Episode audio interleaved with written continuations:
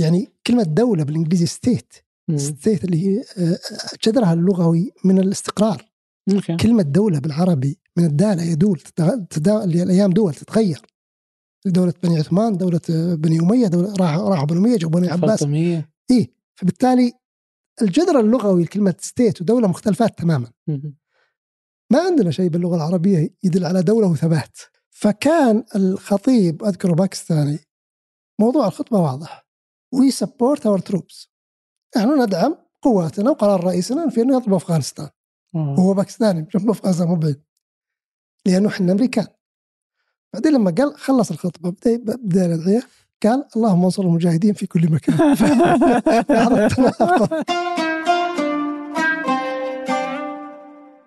أهلا. هذا فنجان وأنا عبد الرحمن أبو مالح. هذه الحلقة معادة. نشرناها قبل سنة أو أكثر. إلا أنها مهمة ورائعة مع ضيف مهم وحديثه مهم مع الدكتور عبد السلام الوايل دكتور في علم الاجتماع في جامعة الملك سعود.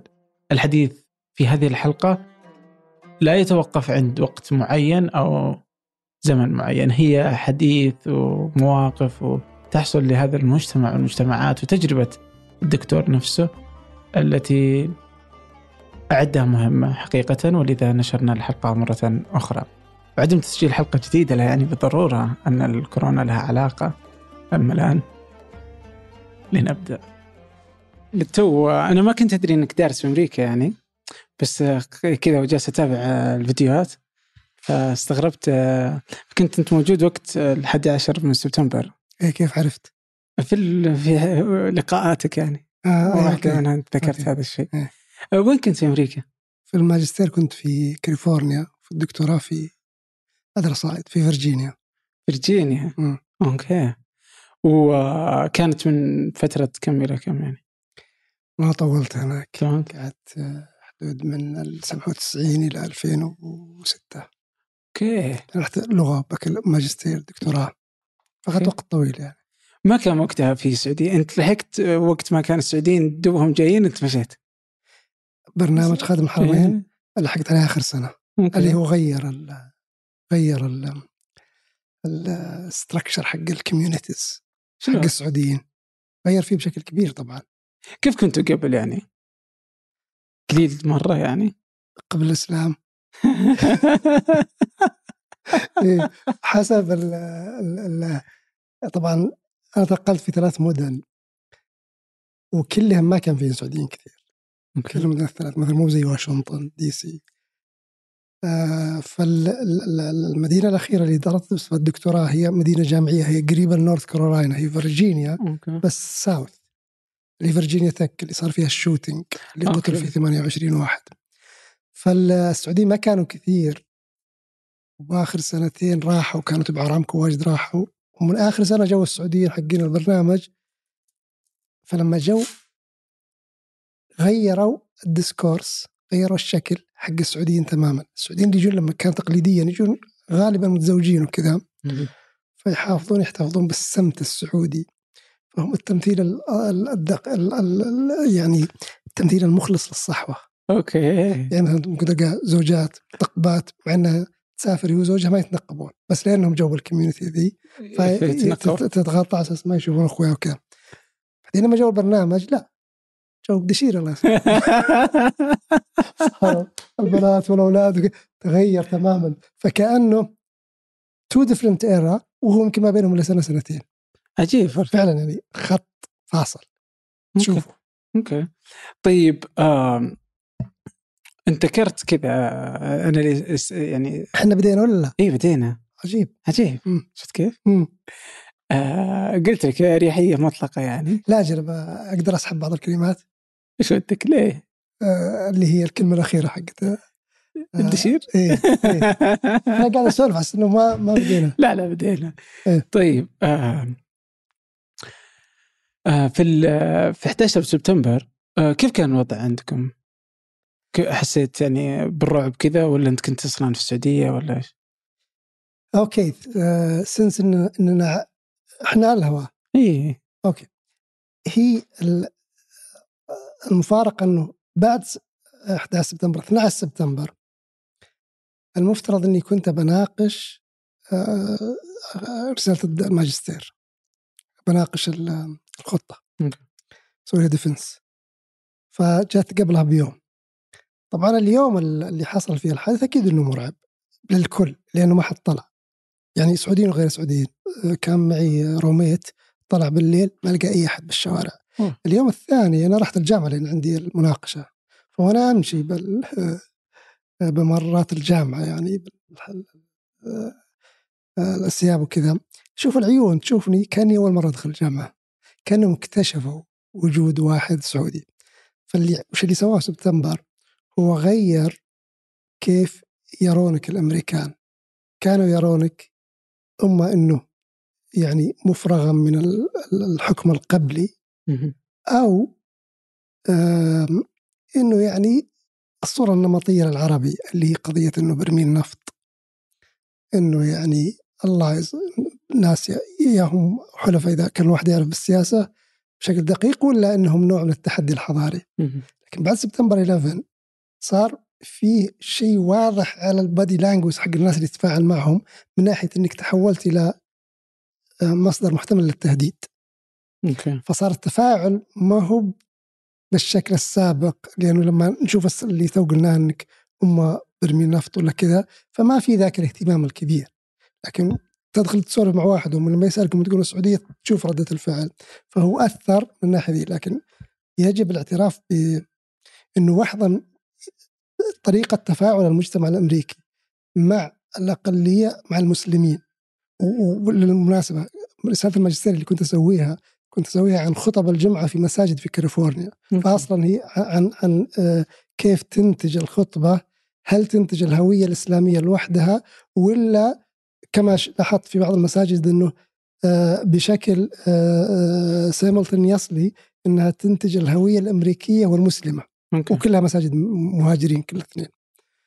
فالحدث اللي اللي اللي لفت انتباهي طريقة تعامل آه، آه، جيران المساجد اللي كنت أدرسها مع المسجد. آه، آه، أول جمعة لاحظت إنه حدثت في أكثر من مسجد. المسجد اللي رحت له واللي كنت ادرس من الباقيات آه، الجيران جايبين زهور جايبين ورود جايبين كذا علشان إنه إحنا نحتضنكم إنكم أنتم جزء منا إننا نؤمن إنكم أنتم أنتم جزء من الظاهرة دي. أوكي. وهذه صورة تختلف عن طبعا الإعلام لما يجيب حتى الإعلام الأمريكي هناك يجيب أنه مظاهرات اليمينيين ضد المسلمين وهذه موجودة لكن هذه أنا شفتها مباشرة فكانت الصورة المقابلة. آه، ثاني ثالث يوم آه، واحد وقفني أمريكي مم. وعند مطعم وقال شوف آه، أحذرك لا تطلع وانتبه كذا قلت لا الناس كانت تعاملهم كويس. قال it's only takes one يعني يبغى لك واحد. صح. خرب المسألة. فالأكثر شيء لاحظته أو لفت انتباهي هو تأكيد جيران المساجد في ساكرامنتو أنا كنت وقتها في ساكرامنتو اللي آه. كاليفورنيا أو في ديفيز كل الأماكن اللي كانت فيها كانت فيها مشاكل بالضبط أيوة أو في ديفيز كنت ساكن في ديفيز وأدرس بساكرامنتو أوكي جنب بعضهم جيران المساجد حرصوا أها. على آه، إظهار الاحتضان وإنكم ما لكم دخل بالموضوع. بعدها يمكن بأسبوعين أو شيء زي كذا أقام مجلس المدينة في ساكرامنتو حفل كبير كانوا المسلمين مشاركين فيه عبر عدة مساجد لأن لهم مساجد في ساكرامنتو كان فيه ثمان مساجد. بعضها الأمريكان indigenous اللي هم الأفرو أمريكان بعض المهاجرين المهاجرين هذول فيهم سنة فيهم شيعة فيهم عرب فيهم غير عرب يعني مختلف آه، تنوعات المسلمين. أقاموا احتفال لكل الأقليات الدينية مهم. آه، على هامش آه، لإظهار الوحدة آه، ضد الإرهاب.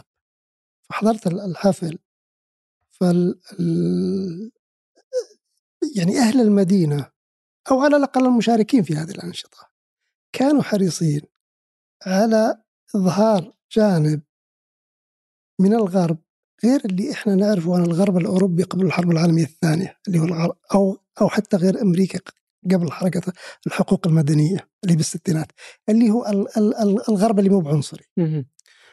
وهذا لا يعني من كلامي إنه لا يوجد إسلاموفوبيا لانها موجودة. لكن الناس اللي احتكوا بالمساجد أظهروا وجه آخر للمجتمع الأمريكي وهذه كانت جزء من يعني من اللحظات اللي غيرت وعيي في إنه من الصعب أو من الظلم ومن الخطأ حتى منهجيا إنك تاخذ الغرب باعتباره وحدة وحدة متجانسة في كيفية تعامله مع العرب والمسلمين، إنه يوجد تنوعات وداخل هذه التنوعات يوجد ما هو يعني يشكل يعني نوع من الكراهية والعداء لك ويوجد ما هو النقيض تماما فبالتالي لابد من مد الجسور مع المشترك الإنساني الذي يوجد هنا ويوجد هناك ويوجد في كل مكان بالعالم. جميل. طيب الحين كباحث في آه، علم الاجتماع آه، كيف تجد كيف تصنف المجتمع الأمريكي يعني في السنوات اللي قضيتها في أمريكا يعني؟ طبعا المجتمع الامريكي مجتمع كبير جدا يعني هو تصنيفاته صعبة وعاده هو يعني يمر عبر اجيال وطبعا هو يعني من تلك المجتمعات اللي هي آه، الناس المشكلين للدولة فيه. ما هو هم السكان الطبيعي ما هو السكان الأصليين. اللي هو الرجل الأبيض القادم من أوروبا أساسا ما بأرضه فيكون بالطريقة دي هو مجتمع مهاجرين. ولأنه مجتمع مهاجرين فعنده آه، يعني نوع من إعطاء الشرعية للهوية غير الأمريكية داخل الهوية الأمريكية. يعني ممكن للمرء أن يكون أمريكي و أمريكي وإيطالي أمريكي وفرنسي أمريكي وبريطاني أمريكي وصيني أمريكي وياباني أمريكي وعربي.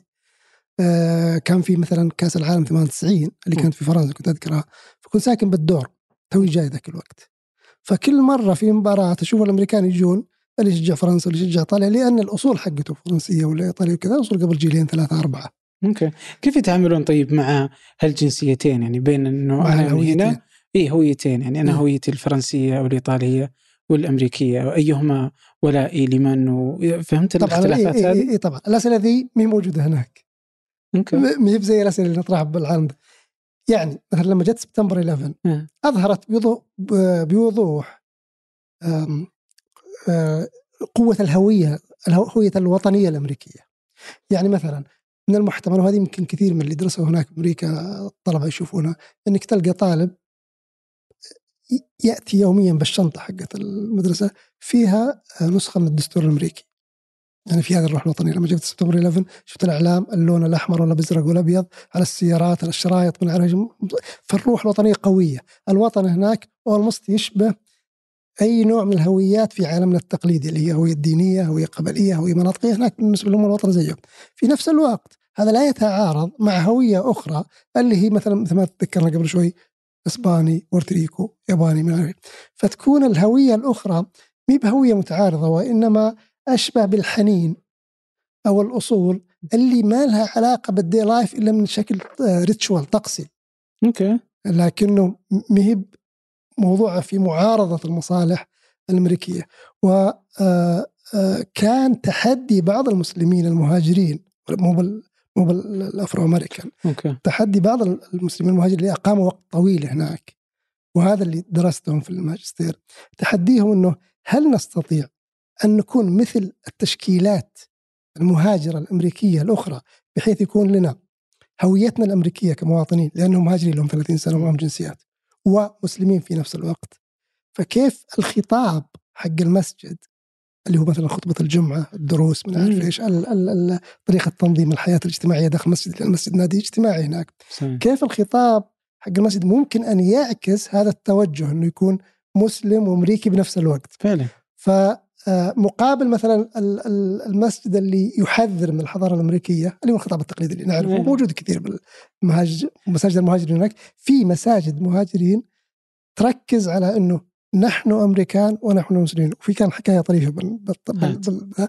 إنه أول خطبة جمعة بعد سبتمبر 11 اللي رحت له المسجد كان المساجد اللي يعيد إنتاج الهويتين آه، بشكل متعاقب الأمريكية والمسلمة. وعادة من أجل هذا يسوون الخطبة بالإنجليزي. لين تصير باللغة الوطنية. هم نهاية الخطبة يردد بعض الأدعية بالعربي اللي هي التقليدية. فكانت الخطبة ذاك الوقت مي بأول خطبة بعد سبتمبر 2000 sorry كانت أول خطبة بعد بدء الضرب على أفغانستان. اللي بعد سبتمبر 11 بكذا أسبوع ناسي بالضبط. فكان الخطيب اذكره باكستاني موضوع الخطبة واضح. we support our troops نحن ندعم قواتنا وقرار رئيسنا في إنه يضرب أفغانستان. وهو باكستاني جنب أفغانستان مو بعيد لأنه إحنا أمريكان بعدين لما قال خلص الخطبة بدأ بدأ الأدعية قال اللهم انصر المجاهدين في كل مكان هذا التناقض هذا التناقض. بنيوي. داخل الخطاب نفسه ما بين المكونين لكنهم يعني شجعان ومصرين على خوض التحدي إنه ممكن نصير هذه وهذه ممكن نصير أمريكان وندافع عن مصالح. أمريكا كذا آه و- آه يعني هذا هويتنا الوطنية وإحنا مصالحها وإحنا في الأخير آه آه أيضا مسلمين فالإسلام هو دين مثلا روحاني آه علاقة بيني وبين الله وقضيه السياسة هذه قضية مختلفة فلا تملك إلا أن تحييهم على هذه الشجاعة مثلا فعلا. و, و القرار خوض هذا التحدي. طبعا أساس التحدي هو كان اجتماعي لأنهم لهم 30 سنة هناك. بناتهم ولدن هناك وعاشرهم آه، كيف يعني مثلا ممكن آه، يقوون العلاقات بين الأولاد والبنات وكذا. فكان فكرة إنه نعيش داخل المساجد حياة أمريكية نخلي الأولاد والبنات يعني ممكن ذي ميت ايتش اذر يصير في خطبه زواج أحسن ما ما يعنسن. فيأخذك تيار الحياة الامريكي وفعلا يعني بس إنه هنا نقطة اللي هي يعني كذا لطالما يعني تجدها إنها بتشكل معضلة للمسلم اللي يعيش في الدول الغربية يعني خصوصا اللي المهاجرين. كذا اللي الولاء مفترض إنه آه للإسلام لأنه إسلام كدولة وإنه يجب إنك تنصر أخوك نعم. وهكذا. نعم. ومن ثم تجد مثلا أمريكا ولا بريطانيا وزي كذا اللي ممكن حاربت أفغانستان. فتجد إنه كيف ممكن يكون هذا الشكل في المجتمع يعني؟ نعم. هو الولاء الإسلام هو من عاد تجي الإسلام هل الإسلام دولة ولا دين روحي؟ فالواحد عايش هناك قراره إنه ما راح يرجع وعياله بيعيشون هناك تكو- يكون هو في سياق آه، لاحظ الأقليات المسلمة في كل بلد لما يكونون أقلية. تراهم يكونون من أشد المدافعين عن العلمانيه يعني مثلا اذكر في الهند لما كان يحكمها حزب المؤتمر حق غاندي. علماني في في بداية التسعينات جت بانتخابات الحزب الهندوسي فخافوا المسلمين من إنه يحكم حزب ذو آه، خلفية دينية. فالمسلم في بلدان آه، لما يكون أقلية مسلمين أقلية في بلدان تحكمها ال- ال- العلمانيه يكون يرى إنه من صالحه شخصيا من صالح أسرته من صالح إخوانه المسلمين من صالح الإسلام أن تستمر هذه القيم فيتشربها. فيبدأ يرى الإسلام باعتباره شيء لتنظيم حياته الشخصية ولعلاقته بالله. لكن الإسلام كدولة مو موجود بواقع إلا هو كعالم مثله هو هو مضطر إنه يواجه الواقع كما هو. فبالتالي لكي لا ينبذ أو ما تصدق عليه توصيفات الإسلاموفوبيا اليمينيين البيض بأن هذول المسلمين ضد وطننا حتى معهم جنسياتنا لكي لا تصدق عليك اوصاف الأعداء فهو من أجل أن يخيب هذه الأوصاف عليه أن يتوافق ويوجد أي صيغة من التوافق والبشر هذا تاريخهم بالعادة ما بين الهويتين بدل افتراض إنه حتما هم متناقضات. ممكن في صيغة لهم إنهم آه، يكونوا في حالة توافق وانسجام. عجيب. طيب أنت ال- في فترتك أنت عاصرت أشياء كثيرة أحس. نعم. آه، من ضمنها مثلا ال- احتلال العراق. نعم 2003 كيف كانت كيف كنت تشوفه يعني؟ فهذه في مرحلة كنت بالدكتوراه مهم. وكانت ال- طبعا هي بدأت التسريبات من سبتمبر 2002 أوكي. أعتقد من سبتمبر 2002 طبعا العمليات الحربية بدأت بمارس 2003 فكان في جدل صيام كذا في ال- الجامعة من المنظمات الطلابية الأمريكية حول قضية هل نروح للحرب ولا لا لأنه مبرر الذهاب هي وجود أسلحة كيماوية عند صدام حسين. وهذا المبرر واضح لأن منظمة الأسلحة النووية اللي هي حقت البرادعي قالت ما في أسلحة. فلذلك المجتمع الأمريكي عاش جدل. نحن نعرف إنه ذاك الوقت كان فترة بوش الإبن اللي هي حزب جمهوري وكان المحافظين الجدد. فالأحزاب الحركات الطلابية ديمقراطيين اللي انتاي ضد الحرب منظمات حقوق الإنسان ال- ال- الخضر كلهم كانوا ضد الذهاب إلى الحرب. فجو مرة عقدوا في فيرجينيا تك كانوا يسوي مناظرة ما بين اللي يأيدون الذهاب للحرب واللي ضد اللي يذهبون للحرب كانوا أربعة أربعة كانوا كلهم أمريكان إلا أنا أخذوني معهم. فصرت على ستيج هو هو وهو قرار وطني قرار لأمريكا ما أدري ليش أنا وافقت المهم وأذكر حتى واحد من المعلقين قال إنه مو من الطلبه من المعلقين من الحاضرين يعني من الطلاب.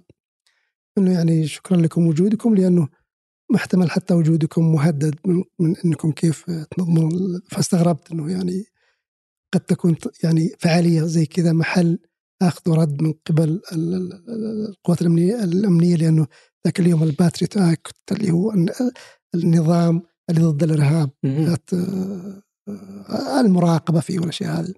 فالمهم آه آه هذه الأنشطة اللي كانت قائمة بالجامعة بس إحنا نعرف إنه لما بدأت الحرب توحد الشعب الأمريكي خلف الرئيس وهذه عادة تصير بالدول ولما انتهت الحرب آه بوش الإبن أخذ يمكن واحدة من أعلى التأييد تاريخ أمريكي وطبعا في 2006 أخذ واحدة من أقل نسب التأييد لرئيس أمريكي في حياته لأن إحنا نعرف أنه بالبداية انتصروا بسرعة فاعتقدوا أن المسألة يعني تشبه ما حدث في اليابان بعد الحرب العالمية الثانية وبألمانيا أنه خلاص انتهى الموضوع. لكن لما بدأت العمليات الحربية والقتال الطائفي بين السنة والشيعة انخفضت شعبية الحرب بشكل كبير. هل أخطأت أصلا الإدارة الأمريكية في دخول حرب العراق؟ بلا شك بلا شك. ال ال ال إذا كان الأساس اللي على أساسه ذهبت أمريكا الحرب غير موجود. أوكي. وصار ما في أسلحة نووية. بالتالي مسوغ الحرب غير موجود غير النتائج اللي تمت آه، وصار بعدها في المنطقة. وطبعا السياسة الأمريكية من 2008 إلى اليوم هي تقوم على أساس أنه ذاك القرار كان خاطئ يعني. طيب الحين آه، قديش تشوف التشابه بين يعني تلك الفترة وفترة ترامب يعني وظهور اليمينيين و... و... والنازيين والأشكال هذه والشعبوية اليمينية المتطرفة يعني؟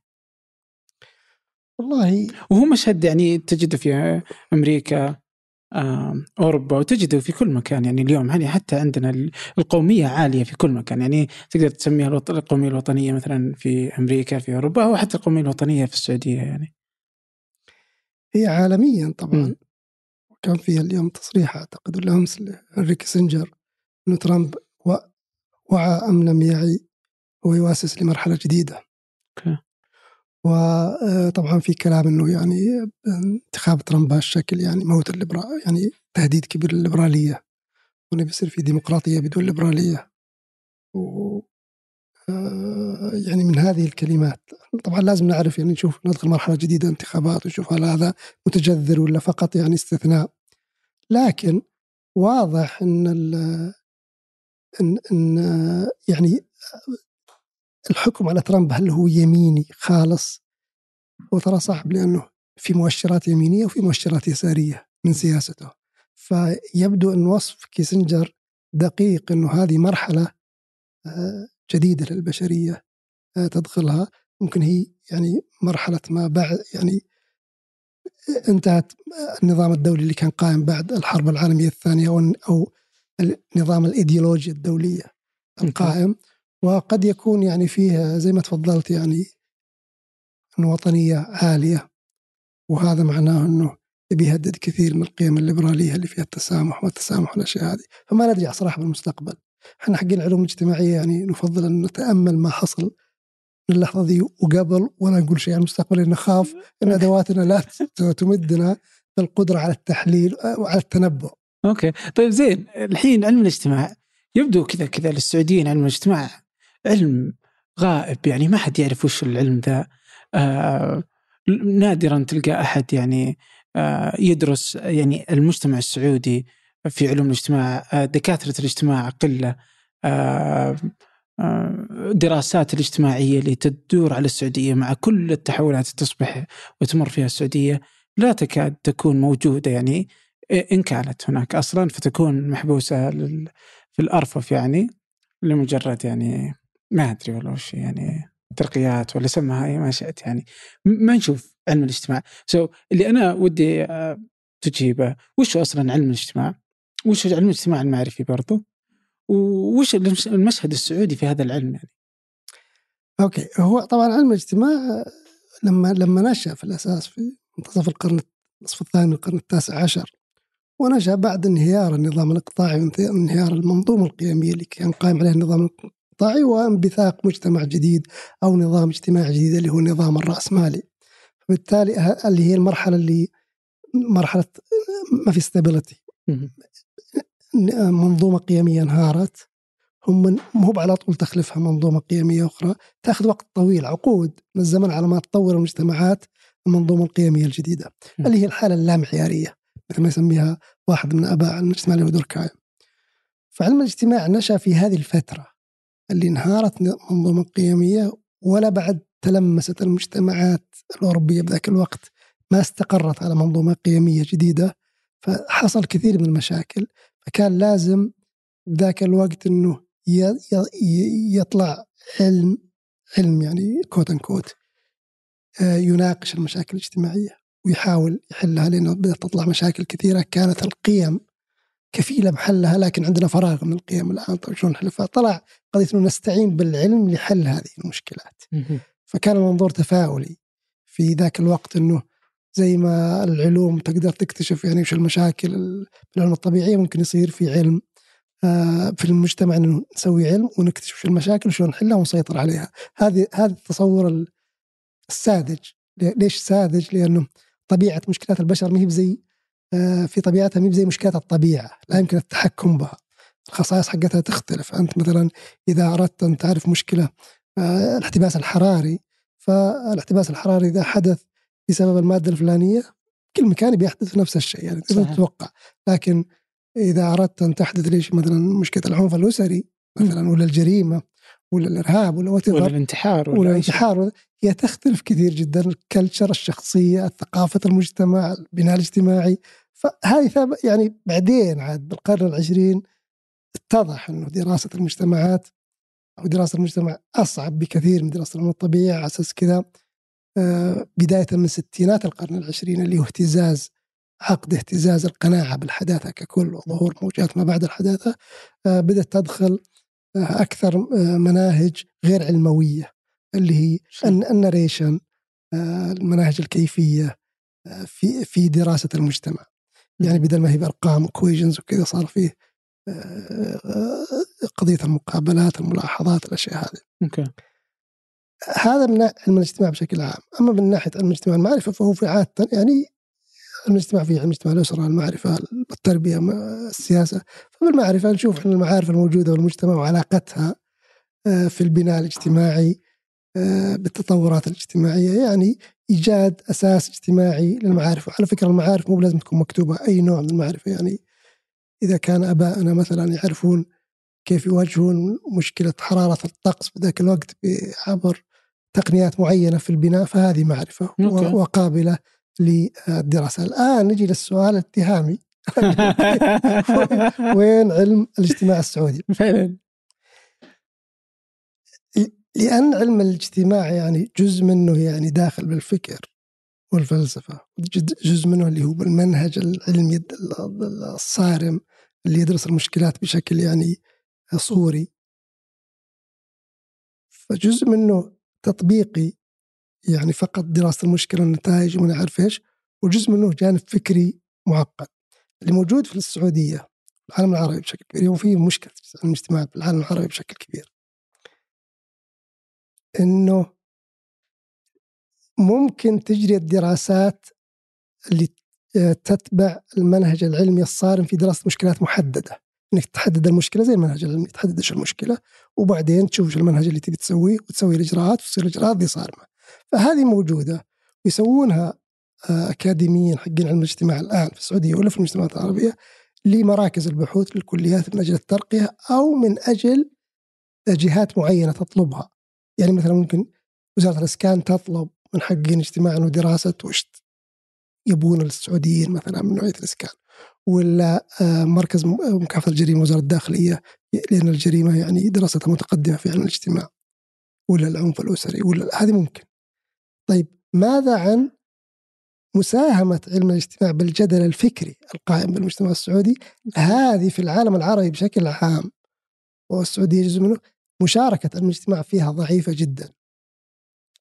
يبدو لي أن السبب إن الافتراضات اللي تقوم عليها علم الاجتماع يعني تحتاج مناخ فكري غير الموجود في المجتمعات العربية يحتاج يعني كثير من الحرية الفكرية وكثير من ال- ال- يعني التسامح مع بعض الأطروحات مثلا. زي إيش مثلا؟ يعني إيش اللي يعني كيف لو كانت عندك هالمساحة من الحرية الفكرية إيش ممكن نتكلم فيه يعني؟ في علم الاجتماع. يعني آه، كأمثلة آه، محددة ما بالي الآن لكن أطر عالية يعني. يعني مثلا خلي باخذ الموضوع بشكل ثاني. إنه أيضا تحتاج إنه دراسة يعني المؤهلين بعلم الاجتماع مو هو يكونون حقين أدوات حقين منهج فقط وإنهم يكونون حقين أبعاد نظرية يعني يكونون عميقين بالنظرية. مكي. على أساس يطرحون ذيك الطروحات اللي فيها تكثيف وتعقيد. هذه الطروحات يعني تحتاج الحرية وتحتاج شيء ثاني بعد إنه مستوى من المعرفة بالمتلقين. يسمح بهالأطروحات بشكل كبير. هذا مو موجود بالعالم العربي بشكل كبير. يعني مثلا ممكن تطرح الآن عن خلي الموضوع بسيط بدون بدون ذيك المفضلات ممكن تطرح علاقة الكلتشر البدوي الثقافة البدوية في آه، صياغة آه، رجل المدينة مع فضاء المدينة. طبعا المدينة لها فضاء حضري معين آه، يعني المفترض أنه افتراضيا يتطلب التحلل من الروابط التقليدية زي القبيلة وإلى آخره. صحيح. ف لكن هذا ما ينطبق كثير على المدينة العربية بشكل عام يعني.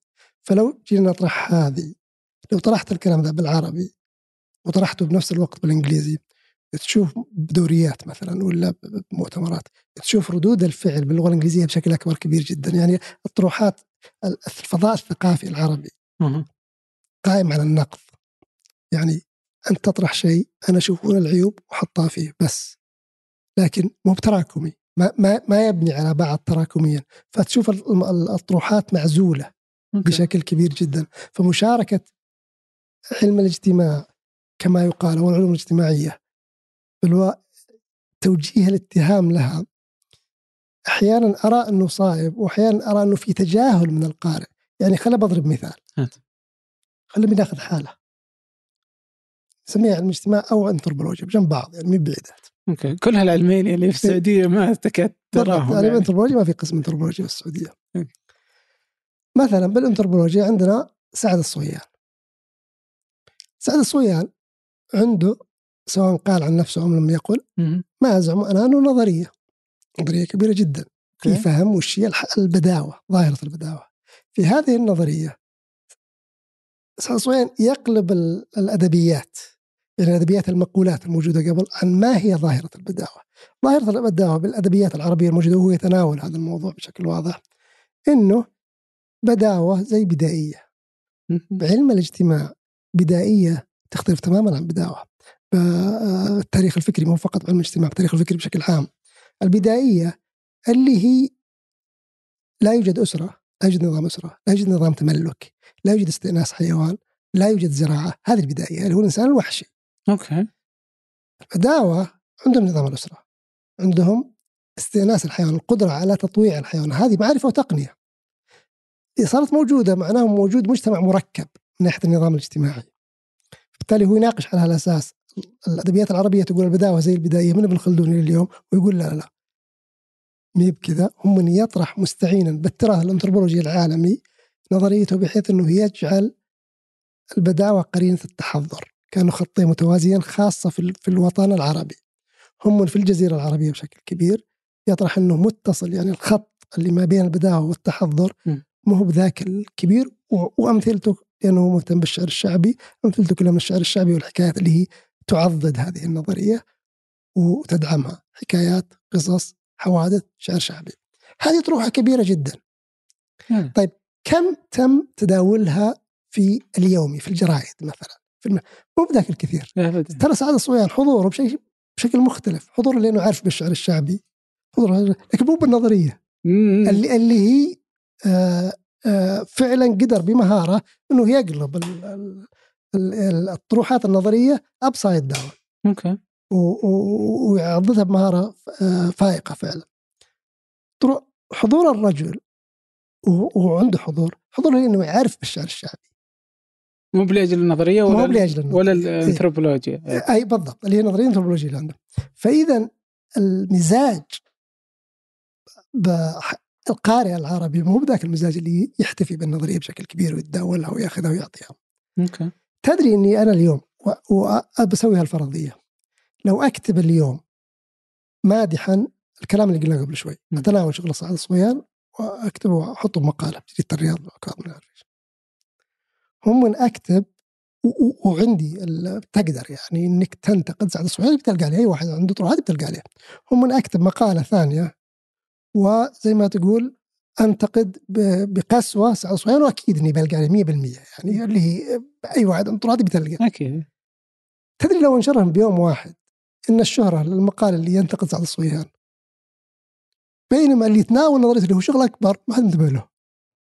المزاج مزاج تعرف شغل شعر النقايض بين جرير والفرزدق. okay. هذه النفسية العربية. النفسية العربية قائم إنه تعال أنت تعرف تنتقد فلان وتوريه الشغل إذا أنت نجم. okay. أما إنك تكتشف الجواهر وتعلي منها ما حد يدريبك اي لا قصف الجبهة هو أوه هذه فهذا ترى هذا يؤثر على التراكمية. أوكي. والتراكمية شرط للعلم. إنه هذا بنى لبنة تروح تبني عليها. لا هذه ما يبديك المحتفى فيها. المحتفى فيه شلون تجيب مطرقة وتكسر اللبنة. آه، فعلا. وممكن برضو ترى إنه عدم وجود يعني أحد متخصص في الأنثروبولوجيا سواه يعني. ليش ما في مثلا كليات؟ ما هو هو, هو تنظيميا تنظيميا قسم الاجتماع آه، آه، علم الأنثروبولوجيا. ما له ذيك الاقسام بالسعودية وهذا سؤال فعلا. يعني ما هو مهم لهالدرجه يعني؟ هو مهم لكن فعلا ليش مو موجود؟ هذا شيء عجيب. الشيء الثاني لو رجعنا لعلم الاجتماع نفسه مثلا أطروح في كتاب للدكتور بكر باقادر وثريا عريض. في كتاب للدكتور آه مو ثريا ثريا التركي سوري. وفي كتاب للدكتور ثريا التركي ودونالد كول. كتاب آه الدكتور بكر باقادر وثريا التركي generations هي انثروبولوجيا واجتماع بكر باقادر اجتماع. عن الحياة في جدة. okay. كيف تشوف أجيال من زاوية من زاوية سوسيولوجية انثروبولوجية وكتاب ثريا التركي انثروبولوجي كان عن عنيزة فيما قبل التحديث يعني قبل بداية السعودية الدولة السعودية الثالثة. هذول فيهم طروحات نظرية كبيرة جدا. ومع ذلك ما تجد ذيك الصدى يمكن كتاب عنيزة لأنه أعتقد أنه موجود بالإنجليزي. يمكن الريفيوز والقراءات والتعليقات عليه بالإنجليزي أكثر رغم أنه مو مجتمعهم. فالحاضنة للأفكار الاجتماعية أو أو أو للطروحات الفكرية بشكل كبير جدا بال... عند القارئ العربي مو كبيرة ترى. ترى هو القارئ العربي يفضل الشيء السريع والشيء اللي زي ما تفضلت أنت يعني قصف الجبهة وكذا. أكثر من الطروحات اللي فيها ثقل على أساس كذا صرت أنا على قناعة الآن إنك لما تتناول عمل فكري التحدي بواقعنا. okay. وهو إنك كيف تنتقده التحدي إنك كيف تسوي له appreciation اللي هو آه.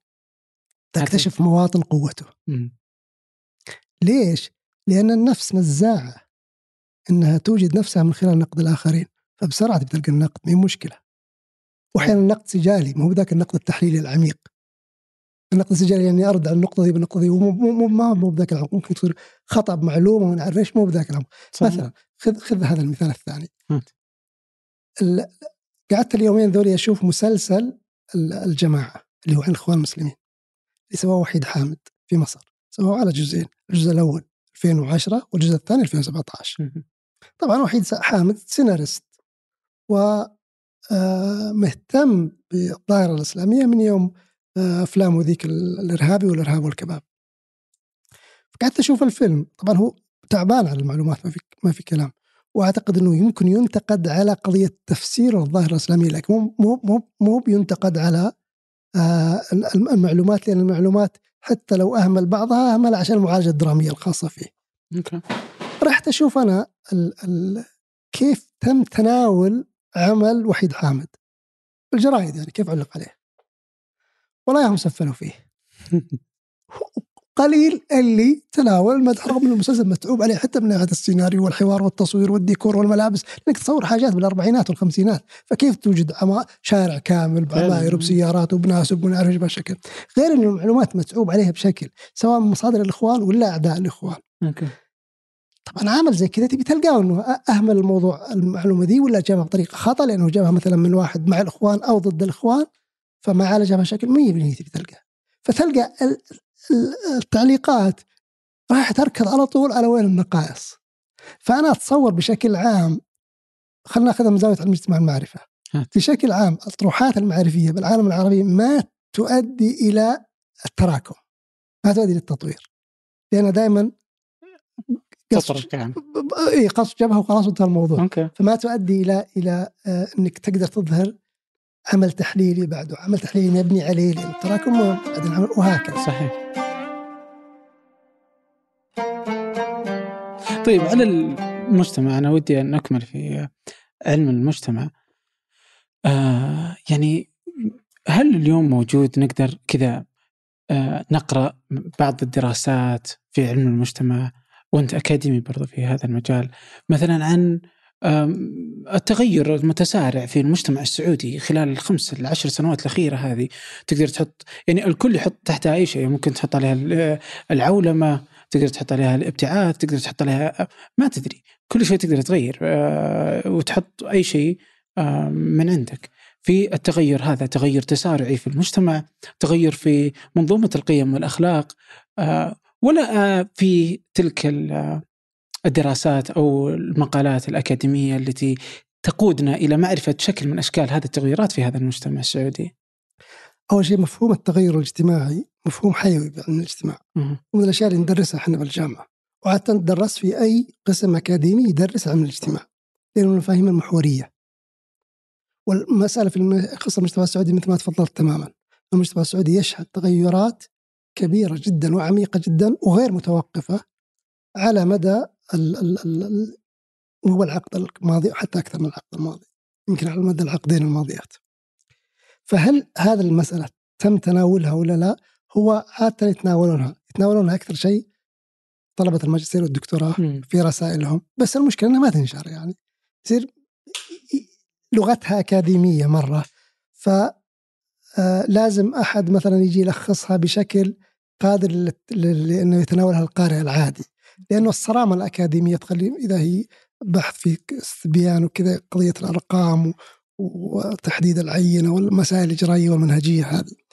لكن الطلبة بشكل عام آه، عندنا في قسمنا مثلا في جامعة الملك سعود وفي الأقسام الأخرى من الجامعات السعودية يتناولون التغير الاجتماعي بس يأخذون مسائل يعني دقيقة يعني مثلا ممكن من أكثر الأشياء اللي درست في هذا الموضوع واللي تدرس لا زال الطلبة يدرسونها كثير ماجستير دكتوراه آه، اللي هي وسائل التواصل وتأثيرها على على عاد أي شيء. تأثيرها على مثلا آه، وجود المهنة تأثيرها على المعرفة تأثيرها على قضية ال- ال- ال- المرأة كيف تقدم نفسها في المجتمع إنه وجد لها وصله ج- يعني مجالات جديدة وإلى آخره. فدرست كثير في الاقسام الان التحدي إنك كيف تحول هالمعرفه التقنية مرة. كيف تحولها إلى شيء مؤثر بالمجتمع عبر نقلها من الإطار الأكاديمي الخالص إلى آه، مستوى لغوي قابل للتداول بين آه، الأفراد في الحياة اليومية، هذا ممكن ترى الصحافة تسويه، أنا أذكر جريدة الرياض زمان قبل أكثر من 20 سنة كان عندهم زاوية يحطون فيه ملخص رسالة، فيلخصون okay. okay yeah exactly فيمكن يمكن لو يصير فيه نوع من التعاون انفتاح الجامعة على المجتمع انها تسوي هالشيء ممكن. ان تلاحظ إنه آه ويمكن ما تلاحظ لانك اصغر من سن كثير طبعا.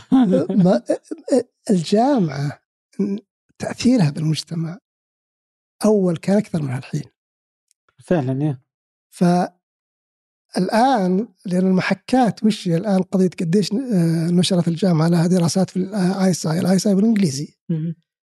مو هو بزي أول إنه مثلا تلاحظ أكاديميين الجامعة لهم حضور بالجرايد بالملاحق اللي تطلع. فيصير لهم تأثير على المجتمع بشكل كبير جدا. فالآن إحنا في تحدي انك كيف توجد هالكونكشن هالجسر ما بين المجتمع والمعرفة المنتجة داخل الجامعة. ال- سؤال غياب المعرفة يمكن الرد عليه بسهولة أنه يوجد معرفة. سؤال إطلاع المجتمع على المعرفة هذا هو التحدي. فعلا أنا أتذكر كان الدكتور خالد الرشيد آه، يتكلم عن أنه الجامعات في السعودية هي جامعات مغلقة. يعني كذا مسورة ويعني آه، متلحفة بنفسها يعني وما يعني ما تتفاعل مع المجتمع. عكس ما هم المفترض أنها تكون. لاحظ لاحظ الشكل الفيزيقي البناء. أوه. مثلا لاحظت كنت رايح الجوف. أوكي. رحت طبرجل اللي فيه جامعة الجوف. جامعة الجوف تبعد عن مدينة الجوف 30 كيلو. الكليات اللي هي فرع في محافظة طبرجل اللي هي طبرجل 250 كيلو من الجوف مثلا تبعد عن طبرجل 30 كيلو. وهذا قسوه على الجامعات الناشئه لاحظ عندنا الجامعات. بالرياض مثلا. م.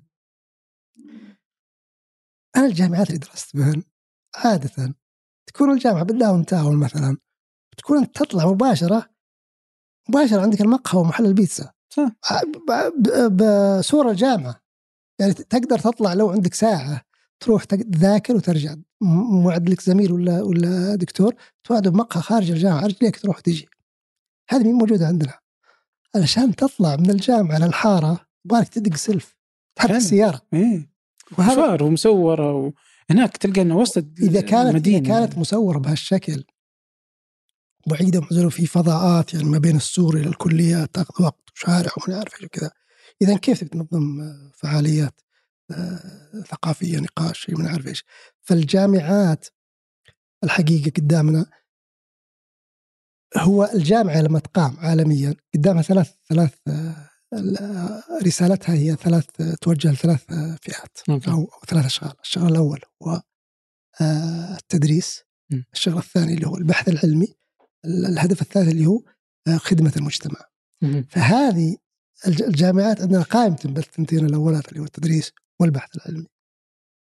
مشكلة إن التركيز على البحث العلمي اللي هو قديش إحنا موجودين مثلا بال ISI عشان شنغهاي يرفع التصنيف حق الجامعة التركيز عليه صار على حساب خدمة المجتمع. ممكن فصرنا يعني مثلا زي ملحق جريدة الرياض قبل 25 سنة تجي تفتح تلقى سعد البازعي وسعد الصويان وعبد الغذامي وهوش وشيل وحط وكذا.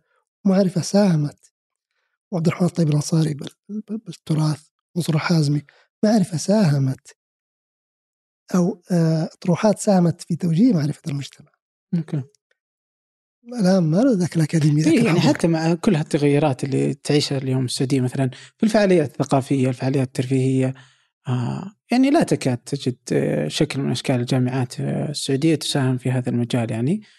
يعني أكبر شيء شفته يعني تدخلت الجامعات مع المجتمع هو آه ملعب الهلال يعني إنه حطه في جامعة الملك سعود. عدا ذلك يعني تبدو مساهمته ضعيفة أنا يعني. ساكن بالجامعة. م. فلما تجي مباريات الهلال واشوف السيارات جوا الجامعة كثير أحس بأن الجامعة يتدفق الدم في عروقها إنها انفتحت على المجتمع مو فقط الطلاب اللي جايين. هذا كان مؤشر جيد الحقيقة. وشكرا لإحضار هذا الجانب لأنه صراحة مهم رمزيا مهم. إيه. فالفعاليات الثقافية ينادون الأكاديميين عاده بالذات حقين الأدب. الثقافة عندنا هي الأدب. هي المفترض أنه مو كذا. هي مو بكذا المفترض. إيه. صراحة عاد هذه قضية الثقافة ليش مسيطر عليها الشأن الأدبي؟ لأن العقل العربي عقل بياني وكذا. يحضرون لكن الفعاليه الثقافية حقت مثقفين. ماذا عن الانفتاح على المجتمع الأكبر؟ اللي هي وسائل التواصل اللي هي الجرايد الراديو ما اعرف إيش أعتقد إن الجامعة نفسها إدارات الجامعات يجب إنها تنتبه لهذه الوظيفة خدمة المجتمع. واحدة من مؤشراتها هذه. طبعا بالجامعات خدمة المجتمع تراك ممكن تحط دورات دورات عادية. أول يحطون دورات شلون تحط تكتب لها الكاتبه مثلا زمان دورات أنا أذكر بيركلي في دورات حق العصر وشلون تصير روائي ولا شلون تصير شاعر. موجودة بالبدايه فهذه من خدمة المجتمع. فما يجب إنه إدارات الجامعات تركز على قضية موقعنا في الشانغهاي ولا تصنيف التايمز التصنيفات الدولية على حساب أنه قد ما هي خدمة الجامعة للمجتمع وهذه مشكلة المعرفة في العالم الثالث بشكل عام. أذكر آه، مثال شهير. كان في واحد يتكلم عن أعتقد غانا. okay. عن علاقة المعرفة اللي تنتجها الجامعات هناك بالمجتمع الغاني. زي السؤال اللي إحنا فيه. okay. فيقول إنه في دكتور دكتور بالفيزياء. يقول لقيته قاعد يسوي بحوث عن الفيزياء النووية وغانا ما عندها مفاعل نووي. يقول في المقابل غانا عندهم اختراع غريب أنا نسيت المثال وشه لكنه عندهم اختراع قدور قدور عادية مهم. تقليدية. فهو يقول ممكن القدور دي فيزيائيا تطور بحيث إنها تصنع ماني عارف إيش بهالشكل. فيقول رحت للدكتور وقلت له تتكلم غربي. قلت له بدل ما تسوي بحوث بالفيزياء النووية وأنتم ما عندكم في مفاعل نووي ورا ما تساعد هاللي يصنعون القدور بحيث إن قدورهم تصنع بشكل أحسن وتنتج آه، يعني تصدر للخارج. قال أنا لا ساعدتهم. في مجلة دورية علمية بالخارج تبي تنشر لي بحث؟ ما تنشر لي بحث. في فال science الدولي طريقة تنظيمه وفي في أزمة أخلاقية هنا إن تنظيم العلوم عالميا موجهة لخدمة المجتمعات المنتجة. مهم. بحيث أنه حتى الأكاديميين الموجودين داخل مجتمعات العالم الثالث ما يفيدون مجتمعاتهم بشكل كبير بقدر ما يفيدون حركة العلم الدولية. وهذا عاد سؤال أكبر من إمكاناتنا المحلية ولازم ننتبه له كمخططين للعلوم. فعلا. طيب الحين إيش؟ آه في أكثر من مجال تطرقنا له قبل آه شوي. ودي نمر عليهم آه بشكل شخصي. الحين مثلا ذكرت إنه الشبكات الاجتماعية كيف إنه اليوم هي جزء من المعرفة وهي اللي تؤثر على المجتمع. وكذلك مررنا مرور الكرام على المجتمع السعودي تغيراته في كما أنا قلت إنه العقد الأخير وأنت حطيت إنه أكثر من عقد. كيف نظرتك للمسألتين هذه؟ مسألة الشبكات الاجتماعية وتأثيرها قدرتها على أدلجة المجتمعات ونأخذ المجتمع السعودي بالتحديد كمثال. وكيف آه، قراءتك انت للمشهد السعودي خلال السنوات الأخيرة يعني كمجتمع وكباحث في المجتمع؟ ال- وسائل التواصل الاجتماعي وجودها بالسعودية وجود مثير جدا. مم. يعني أنا نسيت الأرقام الظاهر أمس واليوم قارين عن كم مستخدمين اليوزرز بالسعودية. رقما ضخم جدا. رقما 14 مليون أعتقد 14 مليون أكاونت تويتر بالسعودية. في تويتر. أعتقد البرازيل 12 رغم أن البرازيل عشرة أضعاف سكان السعودية ومع ذلك بالرقم أقل. فكيف لو لو اخذناها نسب نسبة لعدد مستخدمي الإنترنت بشكل عام؟ اليوتيوب جاء في فترة من الفترات أكبر عدد ينزل من الفيديوهات باليوم الواحد بالسعودية. الإنستغرام أعتقد أنه نفس الشيء. إي ونسبة الاستخدام نسبة والتناسب للدولة إيه. تعد دائما السعودية في الأول أو في الثلاثة الأول آه، على الانستغرام يوتيوب وكذلك في تويتر يعني. بالضبط.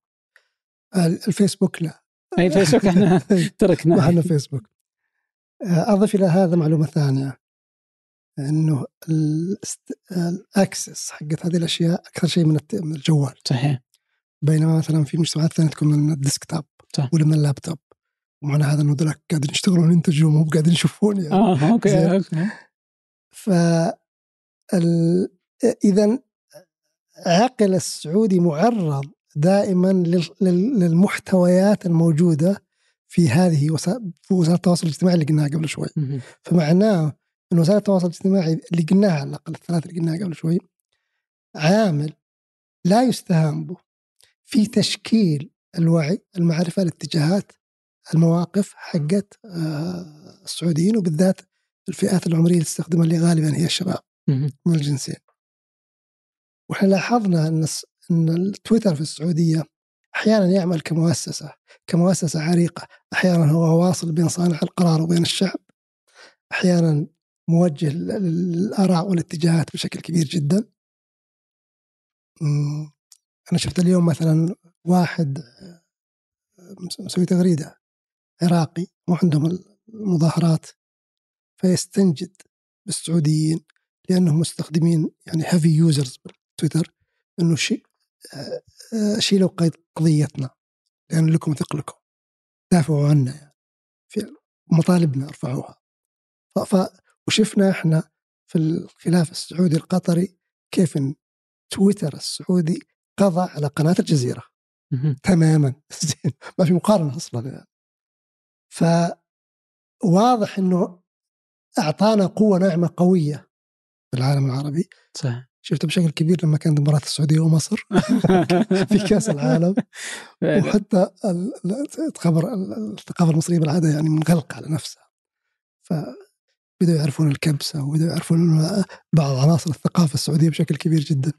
فواضح إن استخدام السعوديين المكثف لوسائل التواصل الاجتماعي أول شيء أعطاهم قوة ناعمة. أعطاهم تأثير خلاهم يتواصلون مع غيرهم.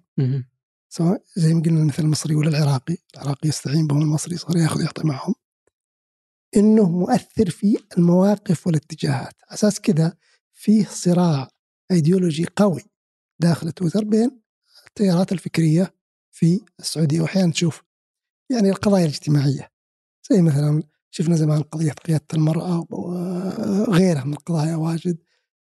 آه، كيف إنه هذا يعني آه، مسرح مسرح للصراعات ومن اللي كانوا برلمان من اللي يقدر يحشد أكثر فيقدر يوجه آه، المواقف واتجاهات وآراء الناس تجاه الموضوع وبالتالي يسهل صدور هذا القرار أو ذاك. وفعلا تتم بعض القرارات يعني نعم. خصوصا يعني الصغيرة منها يعني يعني بناء على وش يقول الشارع في تويتر إيه وين الاتجاهات؟ اي في بعضهم حتى والآن طبعا في softwares عشان تحليل هذه القضايا صحيح.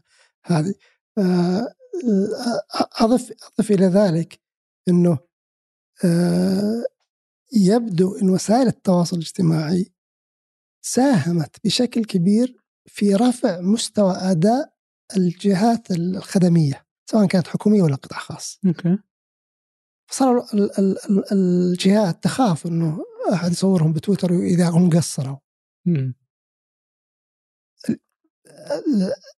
اليوم وأنت تروح تراجع الأحوال المدنيه والجوازات والمياه ولا الكهرباء ولا تراجع ذا أنت تشوف أجهزة جدا متفاعلة. يمكن وس... وسائل التواصل ردع هنا لعبت دور الردع. فواضح أن الشعب السعودي يستخدم هذه الأجهزة بكفاءة عالية. حسن أداء الجهاز الحكومي حسن أداء الجهات الخدمية آه، وصل صوته بشكل كويس صار القرار بدون وسائل زي وسائل زي التوا- التواصل الالكتروني صار له قوة ناعمة في وسط العالم العربي. وضربنا مثلا الجزيرة مقابل ال users حقين ال- التويتر. آه، لما أشوف واحد من مذيعين قناة الجزيرة يسوي تغريده وأنا أشوف كل الردود عليها أقول له أنا مسار ما غرت خلاص إيه، ما- هذا كل مجال التلفزيون وبس. فاحنا أمام قوة يعني آه، أداة هي تمثل قوة وفيها تحديات وأعتقد إن طيب كيف أثرها علينا؟ يعني وخصوصا واتساب برضه نسيناه. هو هو- الواتساب به هو جزء فاعل يعني. فاليوم يستخدمون الشبكات الاجتماعية الكل من آه، الأمهات إلى آه، صغار السن يعني. فكيف أثرها؟ يعني هل هل بالإمكان إنه ممكن تؤثر يعني على المجتمع على فكره هو على هو واضح إنها تأثر. واحدة من آثارها إنها أوجدت مشروعية لكل صوت تقريبا يعني لكل تيار فكري. أوكي جميل. ف تبي الموضوع الفلاني أنت ضد الموضوع الفلاني تلقى ناس ربعك ومع الموضوع تلقى الناس ربعك. أنا أقصد يعني التيارات الفكرية في المجتمع. صحيح. آه، ذكرنا آثارها قبل شوي. اللي هي آه، عددناها قبل شوي. صحيح. ومن ضمنها إنها يعني آه، أوجدت هذا التواصل آه، بين الناس وانهم يعرفون بعض. وطبعا هذا تأثير يعني أقل أهمية من اللي قبل شوي. لكن واضح إن تأثيره على الأجهزة وعلى الأفراد وعلى مواقفهم وعلى اتجاهاتهم. ما هو بصانع واحد الآن للرأي يعني مم. باداه واحدة فعلا. طيب بس الحين إيش؟ في جزء من ال يعني مثلا تلقى عبد الله جابر في بعض من رسومه الكاريكاتورية أو من الأشياء اللي برضه تتناولها الناس إنه الشخصية السعودية يعني كذا تصاب كذا يعني اللي على تويتر ليس نفسه هو اللي موجود. تلقى على تويتر شخصية عنيفة آه، آه، صادمة آه، يعني ممكن يغلط عليه أحد يسب أي أحد يقول له اطلع برا. يعني فيها الشكل الموجود من العنف على تويتر. بينما إنه تلقاه في الطبيعة لا عادي. يعني هادي ورايق وحبيب يعني. إيه هذه عاد هذه موضه هذه الحين وأنت تعرف هذا والمستمعين يعرفون هالشيء لما ننزل الشارع ونسوق نشوف السيارات كانها دبابات. حرب. وقف بالبقالة. مع اللي أنت قاعد تحد ويحد قبل شوي. تلقاه ما يدخل قبلك. تفضل. طيب هذا الشخص اللطيف معك. ليش سيارته عنيفة مع سيارتك؟ فيبدو استخدام الجهاز سواء كان physical زي السيارة فيزيقي يلمس ولا تعبير خلف آه، آه، شاشة. في جانب آه، عنيف لكن مجرد ما تشوف العين العين يطلع يعني تقابل وجه لوجه يعني. يطلع الجانب اللي هو إنك you meet the expectations إنك تكون على مستوى التوقعات من إنك تكون ذوق في تفاعلك وتعاملك مع الآخرين.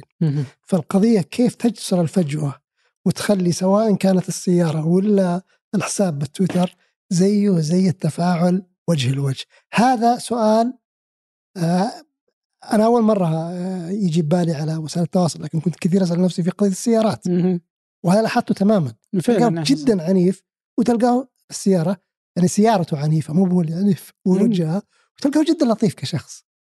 فيبدو الآن من من سؤالك إنها تنسحب حتى على تعبير داخل وسائل التواصل مقابل التعامل التفاعل وجه لوجه. فيبدو أننا أمام معضلة. ما أدري نستعين بعلي الوردي عالم الاجتماع العراقي اللي يسميها نظرية التناشز الحضاري ولا اللي هي ازدواجية يعني.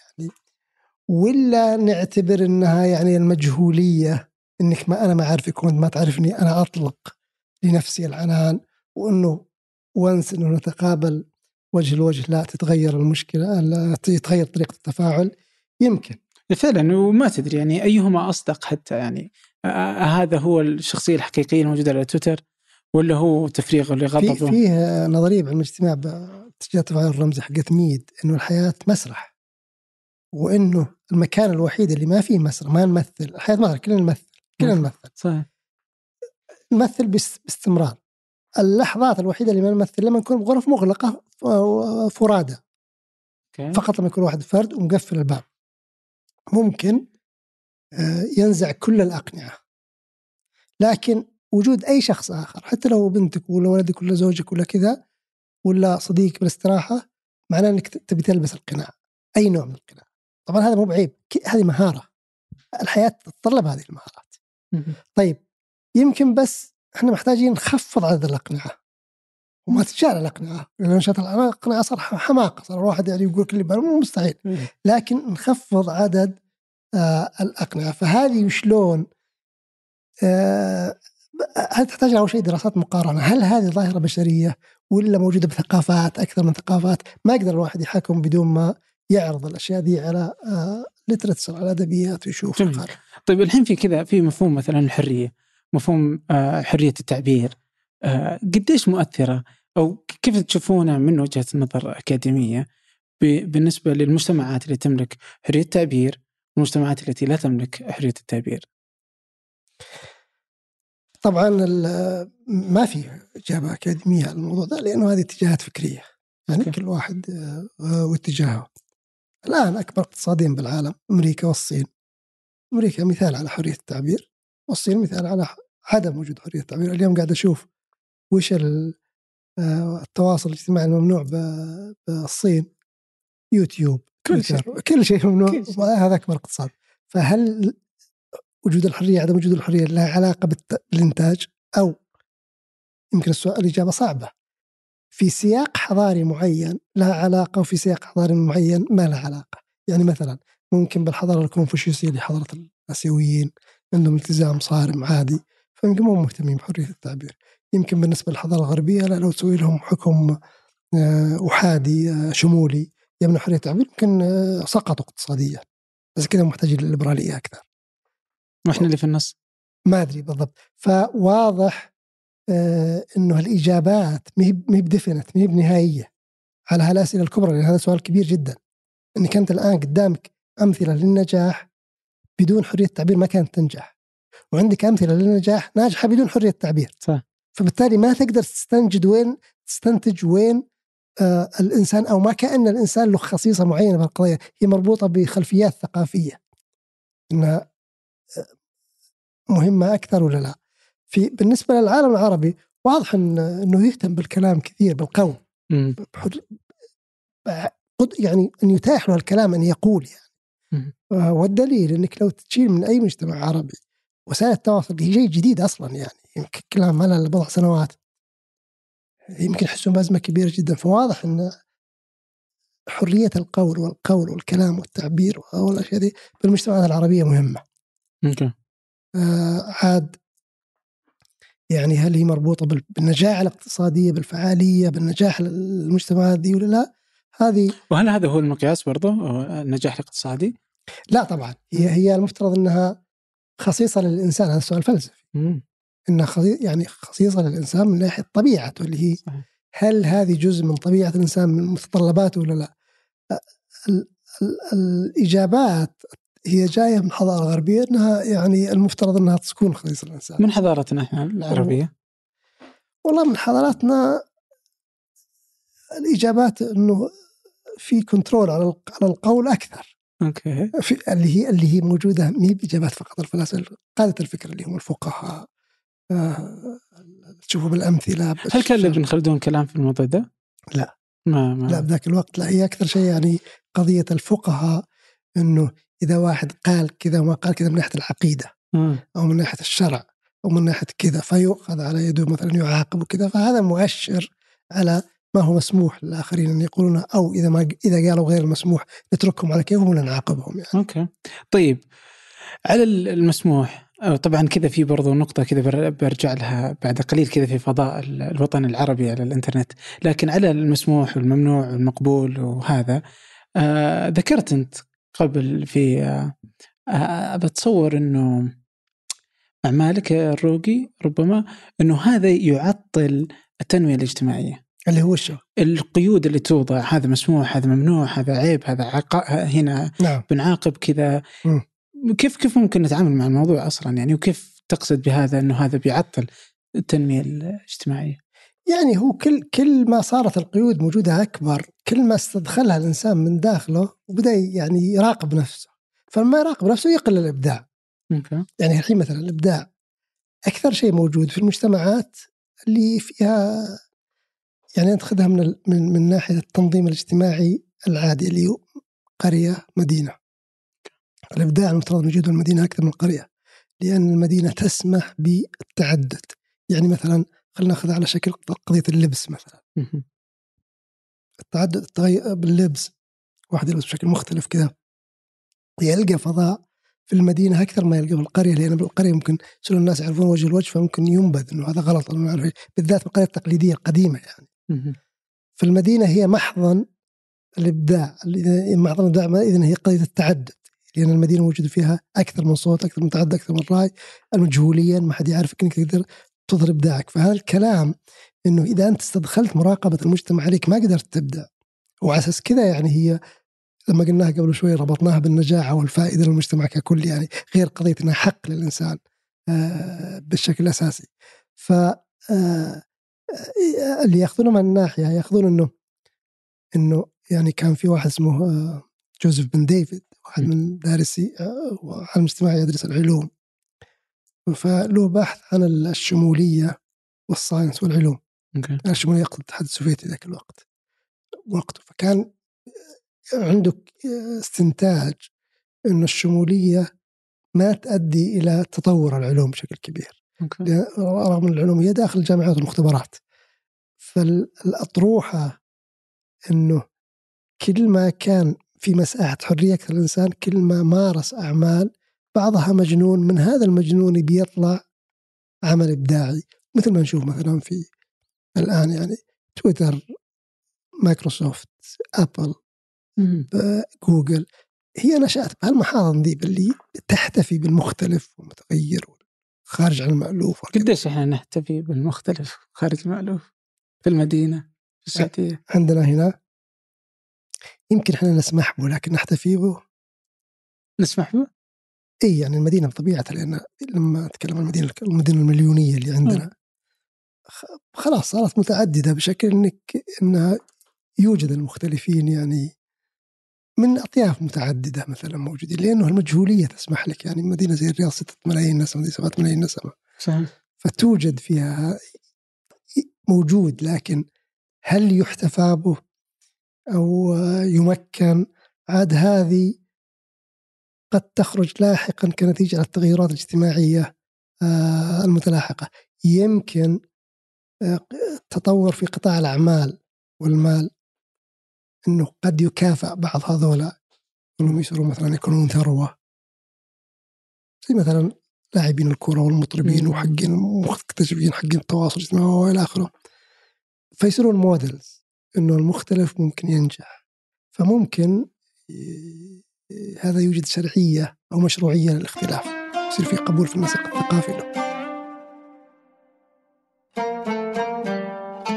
ربما يعني آه بس إنه كذا لا تزال إنه في آه في يعني محدودية في هذه المسألة نعم. في قيود في كثيرة بالضبط. وتختلف يعني لأنه أحيانا تطرح تحت الذوق العام اللي إلى الآن ما حد نعم. قادر يفهم وش الذوق العام يعني نعم نعم نعم مم. لعلنا شفنا يعني حوادث معينة.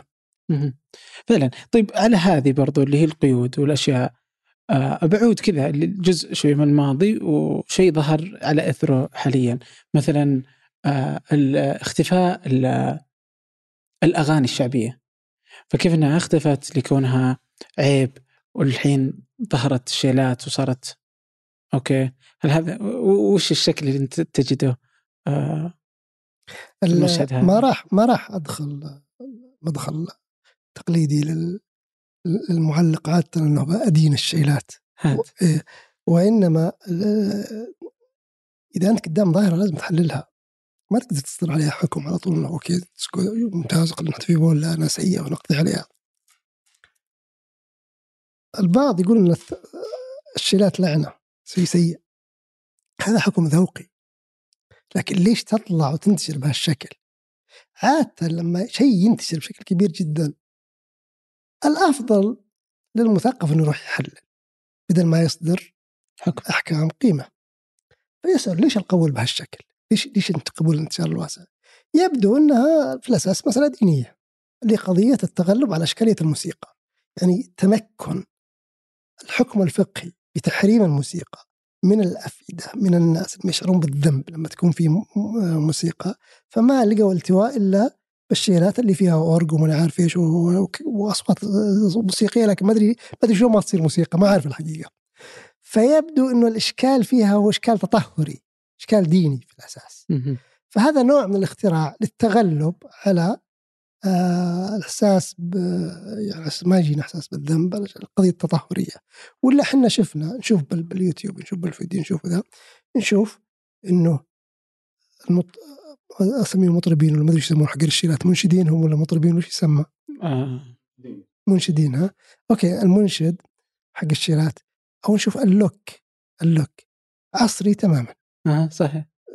زيه زي أي look مغني في آه، ايطالي ولا يعني حريص على آه، يحدد ما عارف إيش ويمكن في عمليات بعد تجميلية للوجه وكذا. وفوتوشوب بعد. وف- بالضبط فوتوشوب بعدين لأنها أنا تو قلت تطهرية. صحيح. شيء ثاني وبرجع للنقطة اللي قبل شوي. شيء ثاني إنه أ- لأن الأغنية آه، مؤطرة بالتأثيم بالتحريم. فبالتالي ما راح تجد لها فضاء اجتماعي كبير.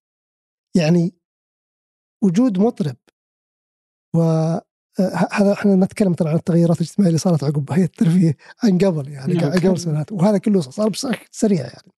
وجود مطرب هم من وجود آه، فتيان وفتيات يغنون مع المطرب ويتفاعلون والشابات وهن يعني متغطيات وما يحتاجوا كذا لكن يغنون مع المطرب.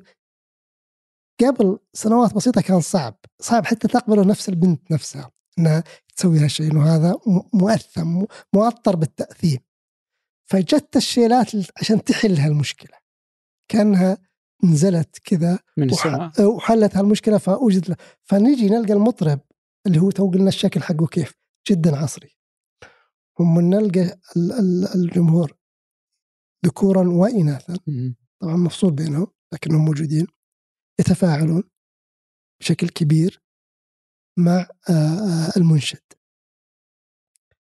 نوعية التفاعل ذا لو هو بإطار مع مطرب سيجد إدانة بدون صحيح. مطرب ما يجد إدانة مهم. بل العكس مفارقة غريبة اللي يدين هذا هم حقين الأغاني مم. آه، زي اللي يساجلون يعني يقولون تعالوا طيب اللي عندكم هذا زي اللي عندنا وش الفرق يعني مم. تمام ف آه، يعني تصير داخل على خط ال- ال- ال- السجالات الفكرية فيبدو أن الشيلات هي آه هي اختراع اخترعته بالنفس تواطأ عليه.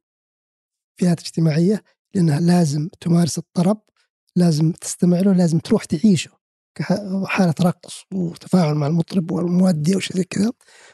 عبر الموسيقى هذا شيء موطر بالتأثيم يعني عليه دائرة حرام تأثيم فبالتالي أي حدث يصير يعني إنه التفاعل مع المطرب بيكون مؤثم ومحكوم عليه سلبيا. إذا وش يسوي؟ كيف ممكن يجي عبر الشيلات فيبدو إنها كحاجة اجتماعية.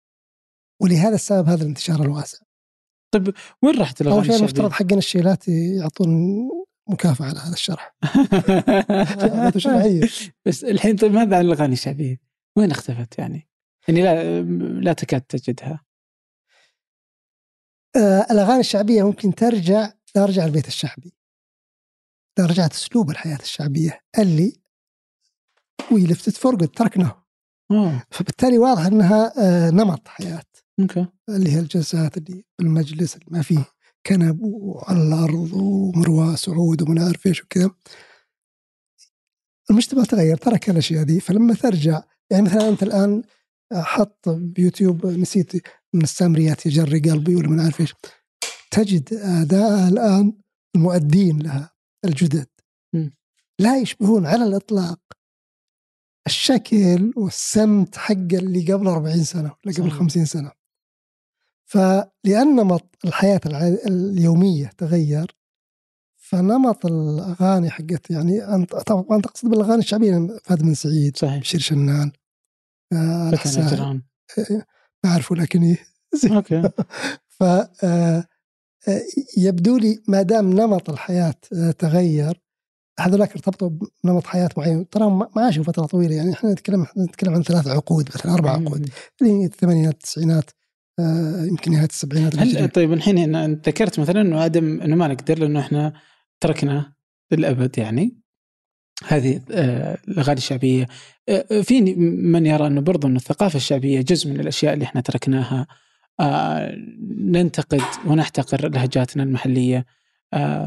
ونذهب إلى اللهجة البيضاء الواحدة. وفي من يعزو ذلك إلى إنه هذا هو شكل من أشكال لأنه إحنا نحتقر ثقافتنا. آه، ولا يعني نعطيها احترامها. انه هذا جزء من الأشياء اللي يخلي العرب آه، يمارسون العنصرية علينا أحيانا يعني أو بعض العرب يعني.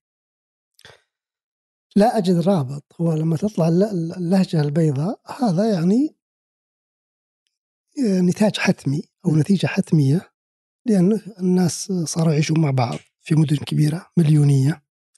فتتطور هذه اللهجات داخل المدارس بين الأجيال. تصير هي لهجة ال... بس في أمريكا باقي. صح؟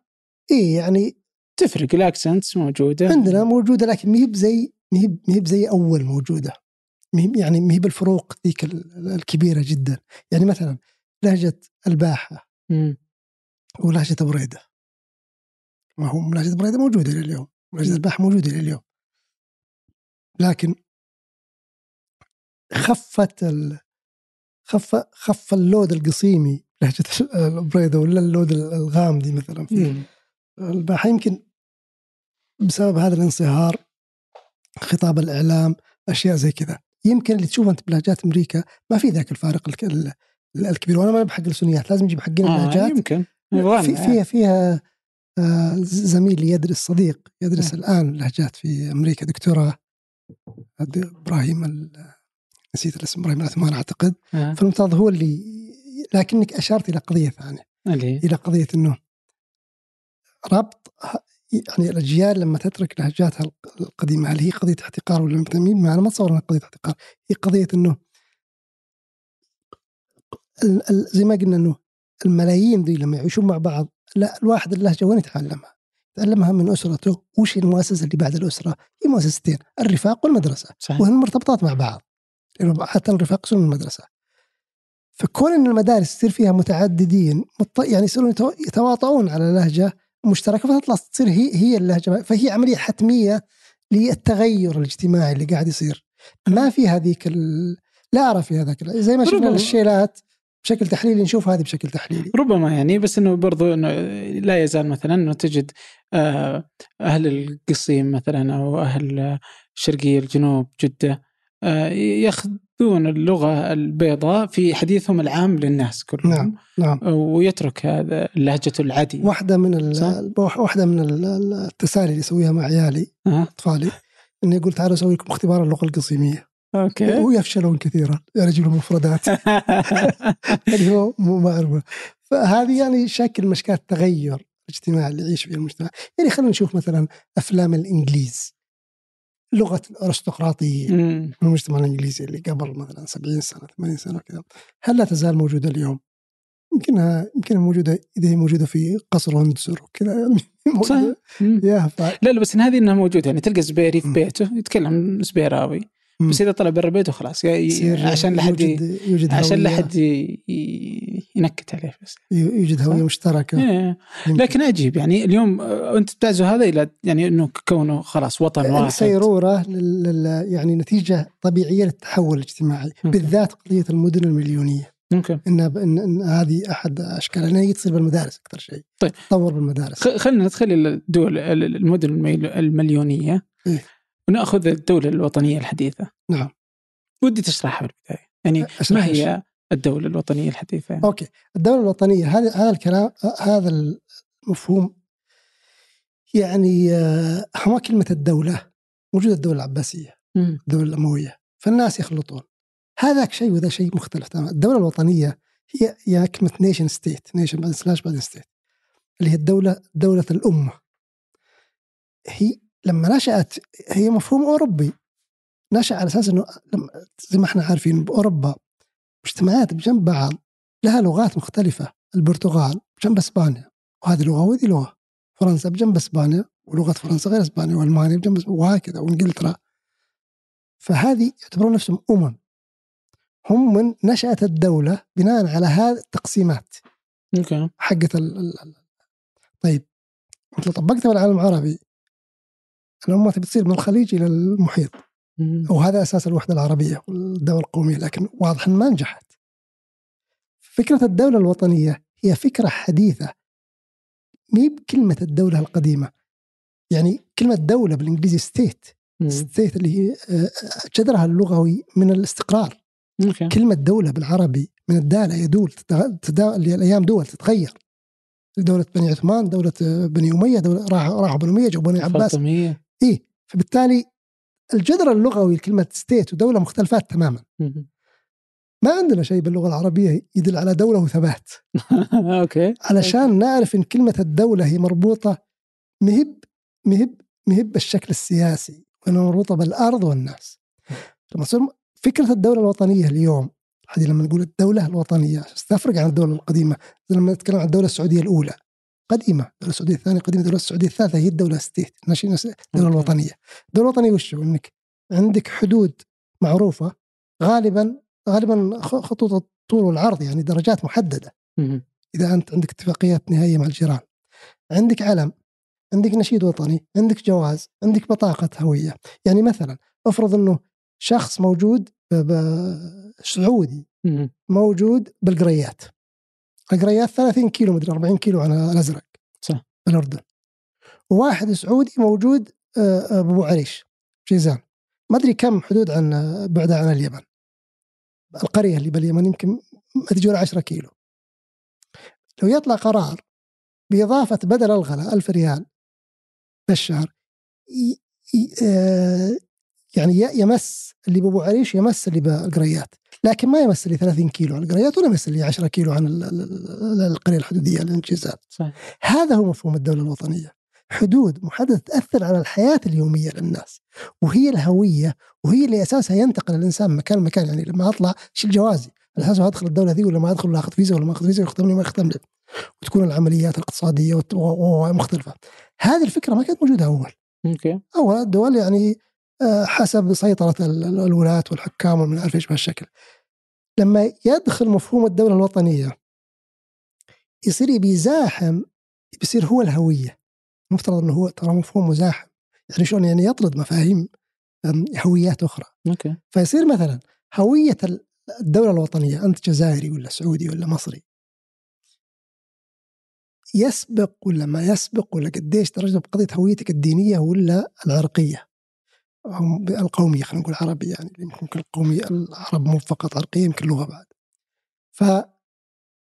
فلاحظ إنه إلى سنوات بسيطة لا عقود بسيطة هي مي واضحة قدام فهمنا الآن بدأت تتبلور بشكل أكبر إنه ممكن تكون الهوية الدينية محايثة ولا بل ممكن متفوقة على الهوية الوطنية. أوكي. يعني ممكن تجد لك مثلا واحد لبناني مسلم سني. وعنده آه، لبناني مسيحي. هو ممكن يشوف إنهم اثنين لبنانيين ممكن يشوف إنه هو وأنت سنيين مقابل ذاك. طيب وين الهوية اللي تشتغل؟ تنجح الدولة بقدر ما تعطي أفرادها إحساس بأن هويتهم الوطنية كهوية جامعة للمجموع هي رقم واحد. فتجي مثلا في قضية يعني القرارات من اللي مثلا له حق آه، يعني تتعامل معه العمل توظف ما عارف إيش وكذا تتمكن من النفوذ. أنا أذكر واحد سعودي لما رحت ادرس اللغة أول ما بديت كان فاتح محل بال downtown حق سان فرانسيسكو. okay. محل عصيرات مو بالغداء يجون كثير لأنه بال down بالمحل ال business. يجو وقت ال 12 إلى واحدة break فيجون يتغدون مليان ما نجح مرة. قلت له وراه قال يا أخي ما عندي موظف أمريكي لازم يكون عندي موظف white American لأنهم هذول white الموظفين على أساس يقبلون على محلك. هنا مفاعيل الدولة الوطنية تشتغل. هالاشياء البسيطه يعني. عجيب. طيب عن أنت قبل شوي كذا ذكرت المفاهيم يعني فأتذكر إنه برضو في لقاء لك مع المديفر عبد الله لقاء الجمعة. ذكرت إنه في من إنه عن التحديات المفاهيمية إنه هناك مشكلة مع الدولة الحديثة يعني نعم. المسلم والجنسية ومدري إيش. آه وكمان قبل شوي ذكرت على إنه الدولة الشاملة الدولة الوطنية هي اللي تكفل للكل آه الحقوق المتساوية والأطراف المتباعدة والخط المتوازي ما بين كل الأطراف الموجودة في المجتمع.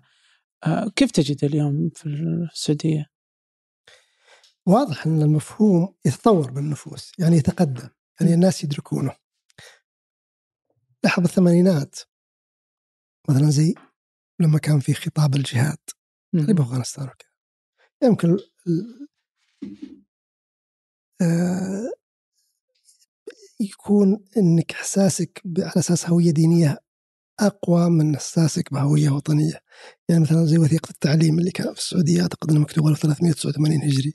واحدة من الأهداف الأساسية للتعليم إنه تعد المواطن اللي نشبه ما يقول مواطن عالمي مسلم أكثر ما هو قضية إنه مواطن سعودي. الآن التوجهات مختلفة تماما. فواضح إن المفهوم كل ماله يتقدم داخل النفوس لما يتقدم إحنا نشوف الآن أحيانا نقول نتقدم أكثر من اللزوم أحيانا نقول إنه مثلا في نفس شوفيني okay. هو مو بالقصد إنك تشوف نفسك إنك أحسن من الآخرين ولا تأخذ حقوق الآخرين ولا ولا ولا ما للآخرين حقوق. هي القصد إنك تحس كهوية جامعة هذا رقم واحد الدائرة رقم واحد.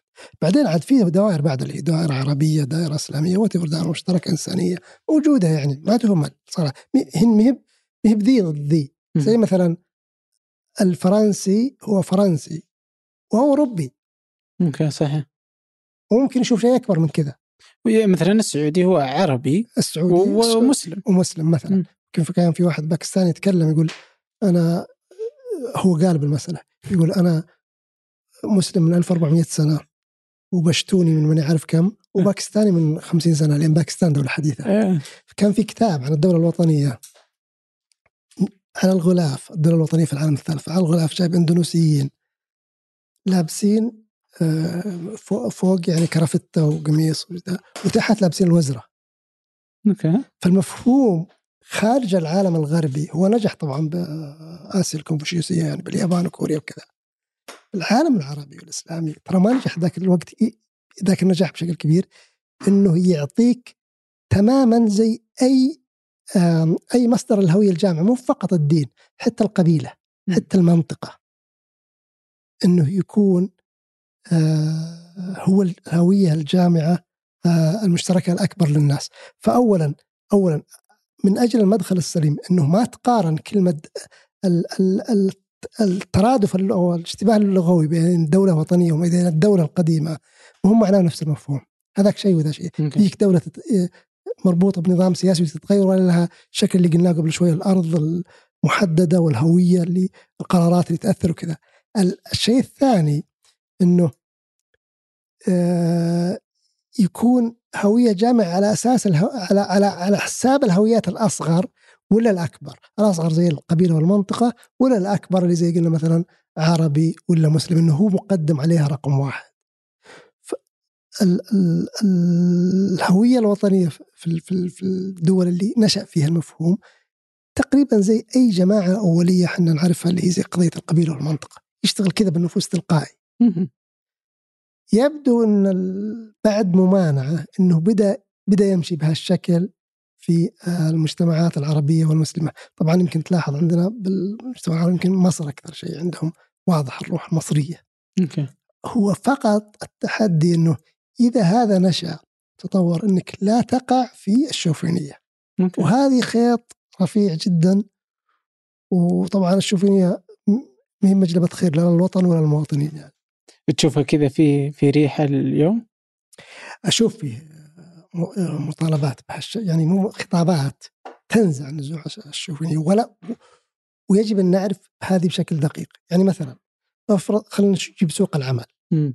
إن ال- المواطنين مقدمين على جانب العمل هذه مطالبه مشروعه وطنيه هذه هذه هذا جزء من اهداف الدولة بكل مكان صح. انت مسؤول تجاه مواطنينك فسوق عمل عندك 80% بالقطاع الخاص آه، اجانب وعندك نسبه بطاله 13% طبيعي انك تفكر كدوله وطنيه انك تحل المواطنين هذه هذه ما فيها شوفينيه صحيح طيب وين الشوفينيه؟ شوفينيه انك تعتقد انه لأنه مواطن زي حقوقه أقل ما دام موجود بعقد رسمي موجود وجود رسمي. ولا إنه مثلا آه، المفترض إنهم ما يتعلمون زينا. ولا ما يصير يعني. ولا ممكن ياخذ أي أنت تاخذ أي نوع من التعامل التمييزية له. ما دام موجود موجود وجود رسمي يعني خلاص. هو الحقوق العادية اللي خدمات تعليم الصحة المناخي تظن زيه زيك يعني. مفترض يا اكزاكتلي يعني فما ت- ما ما تق- ما تحط ذي زي ذي. فرص العمل للمواطنين رقم واحد. هذا شيء مشروع بكل مكان. لكن بالمقابل إذا أنا طلبت برفع مستويات السعودة وكذا مو معناه إني أقول إن إنه في لما أجي أدخل على مستوصف إنه أنا كسعودي دخلني على الطبيب قبل الاجنبي لا مو معقول. لا ما معقول. Yeah. طيب في شكل أنت يعني هل تجده شكل آه، بدأ لأسباب معينة؟ آه، في المجتمع اليوم في السعودية آه، وممكن يستمر ولا كيف تقرأ؟ شكل إيش يعني؟ الشوفينيه وال... إنه أنا سعودي هو- هو أنت مواطن. كذا أنت تشوف اليوم إنه كذا أنت. آه أنت مم. أجنبي. هذول هم اللي يسببون كل مشاكل. أي مصيبة تصير أنتم السبب أنتم السبب. بالضبط. هي هي طبعا هي كلمة الشوفينيه يعني ما إحنا مت- متأكدين إنه استوفينا الشروط حق هذا يعني مصطلح لازم يعني مو إحنا بس نقولها من باب التحذير يعني. لا يعني المبالغة والتضخيم. لكن إذا واحد جاء دخل ما- شركة معينة وشاف إنهم أجانب يشتغلوا وقال المفترض إنه في سعوديين هذه مطالبة زي ما قلنا مشروع طيب منطقي. افرض إنه قال سبب مشاكلنا الأجانب. طيب هذا ممكن يتحول لخطاب كراهية. المفترض إنه ما يقال بهالشكل.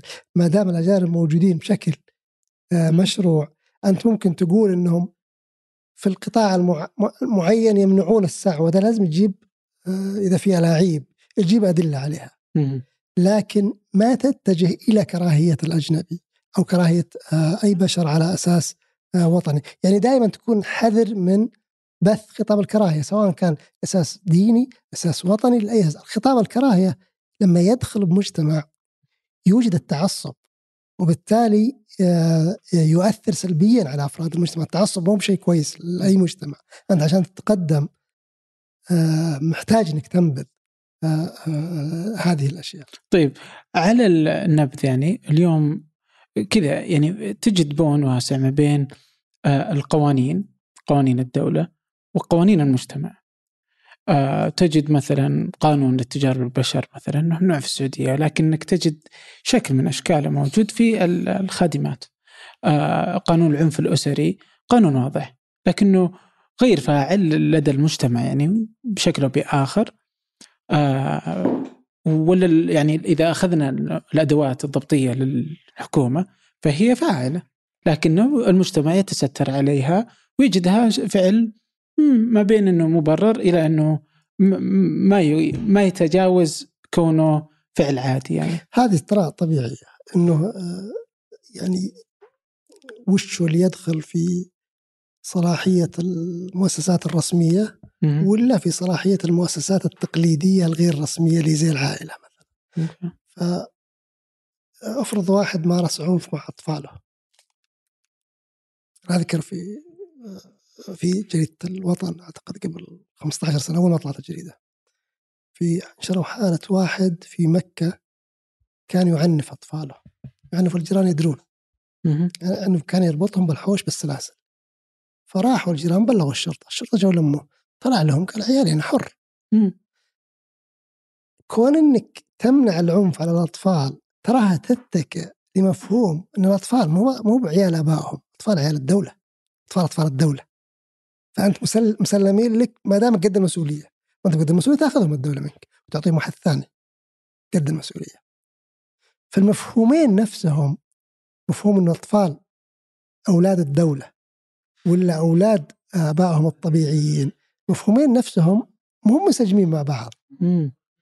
فطبيعي إنه يكون فيه آه، نوع من آه، إنه هذا ما يمشي على سبب هذا موجود يعني هذا طبيعة بشرية بس. الدولة ما تسمح لن تسمح اجهزتها باستمرار هذا خلينا ناخذ مفهوم العنف الاسري لاحظ أن المفهوم بصراحة في المجتمع السعودي تطور بشكل سريع. يعني الحالة اللي قلناها قبل شوي ما فيه فرد عاقل بيستخدم نفس الحجة اللي استخدمها الاب اللي قبل شوي. لأنه خلاص انتهت ما هي بقضيه انك على كيف تتصرف بعيالك.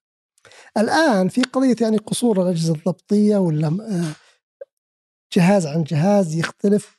هذه عاد تحتاج مزيد من المهننة من المعايير المهنية والتنشئة المهنية للأفراد اللي يتعاونون يتعاملون مع القضايا هذه إنهم يفرقون ما بين ما هو حق للاسره يعني سواء كانوا شرطه ولا آه، مراكز العنف ادارات الحماية الاجتماعية بوزاره العمل والتنمية إنه ما هو حق الأسرة ولا هو حق وما هو غير حق. فهذه عاد تختلف. صراحة تختلف عندنا من جهاز لجهاز حتى بعد.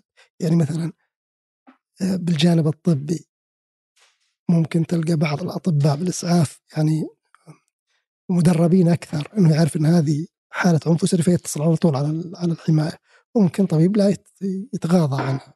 فهي نعتبر إنها في طور الانتقال والتحول آه، ما استقرت على القيم آه، الجديدة بشكل أكبر نتكلم مو على الأفراد عن الممارسين داخل المؤسسات. أوكي جميل. طيب الحين إيش؟ آه باخذ آخر كذا نقطة أنت آه يعني بتذكر إنه كانت عندك واحدة من النقاط اللي هي السكن.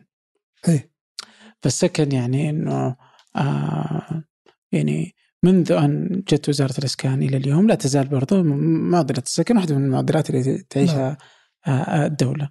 آه كيف تجدها اليوم؟ يعني بعد هذه السنوات يعني كم صار لهم يعني تقريبا ست سنوات كيف تجد اليوم؟ لا تزال أزمة السكن أزمة السكن آه حل المدن المتوسطة آه الرياض المكتظة المدن الطرفية. طبعا أزمة السكن واحدة من المشكلات الكبيرة جدا في المجتمع السعودي. و إحنا شفنا بالوقت السابق أول ما نشأت وزارة الإسكان إنها وصلت لطريق مسدود. إنه أو يعني هي سوت مشاريع. لكن توزيع المشاريع ذي كان أكثر في المدن اللي ما فيها إشكالية سكن. لأن المدن اللي فيها إشكالية سكن فيها مشكلة الأرض. ما كان عندها قدرة تشتري أراضي. يعني مشكلة السكن كما تتضح من إحصاء حق 2010 حق هيئة الإحصاء. هي موجودة أكثر شيء بأربع مدن الرياض والدمام وجدة ومن المنفى تبوك هي المدينة الرابعة. اللي هي قضية كم نسبة أرباب الأسر السعوديين الذين يملكون المسكن الذي يقطنون فيه. ففي المدن الأربعة ذي هم أقل من 50% أقل من 50% زين؟ طبعا هو بالنسبة للسعوديين كلهم 63% ليش؟ لأنه في بعض المناطق يطلعون فوق ال 80% اللي هي بي- بيوت شعبية بلدات صغيرة يعني فما بغالي الأرض فهذه اللي رفعت ال- النسبة السعودية بشكل كبير. لكن في المدن الكبرى كان في اعضال معضلة. الوزارة لما جت ما راحت للمدن هذولي لأن الأراضي فيها غالية. راحت المدن اللي تقدر تشتري أراضي وتبني تبني فيها.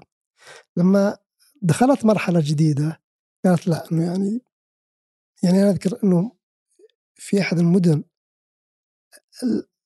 مدينه صغيره الوحدات اللي تبنيها الوزارة أكثر من عدد الأسر في المدينة.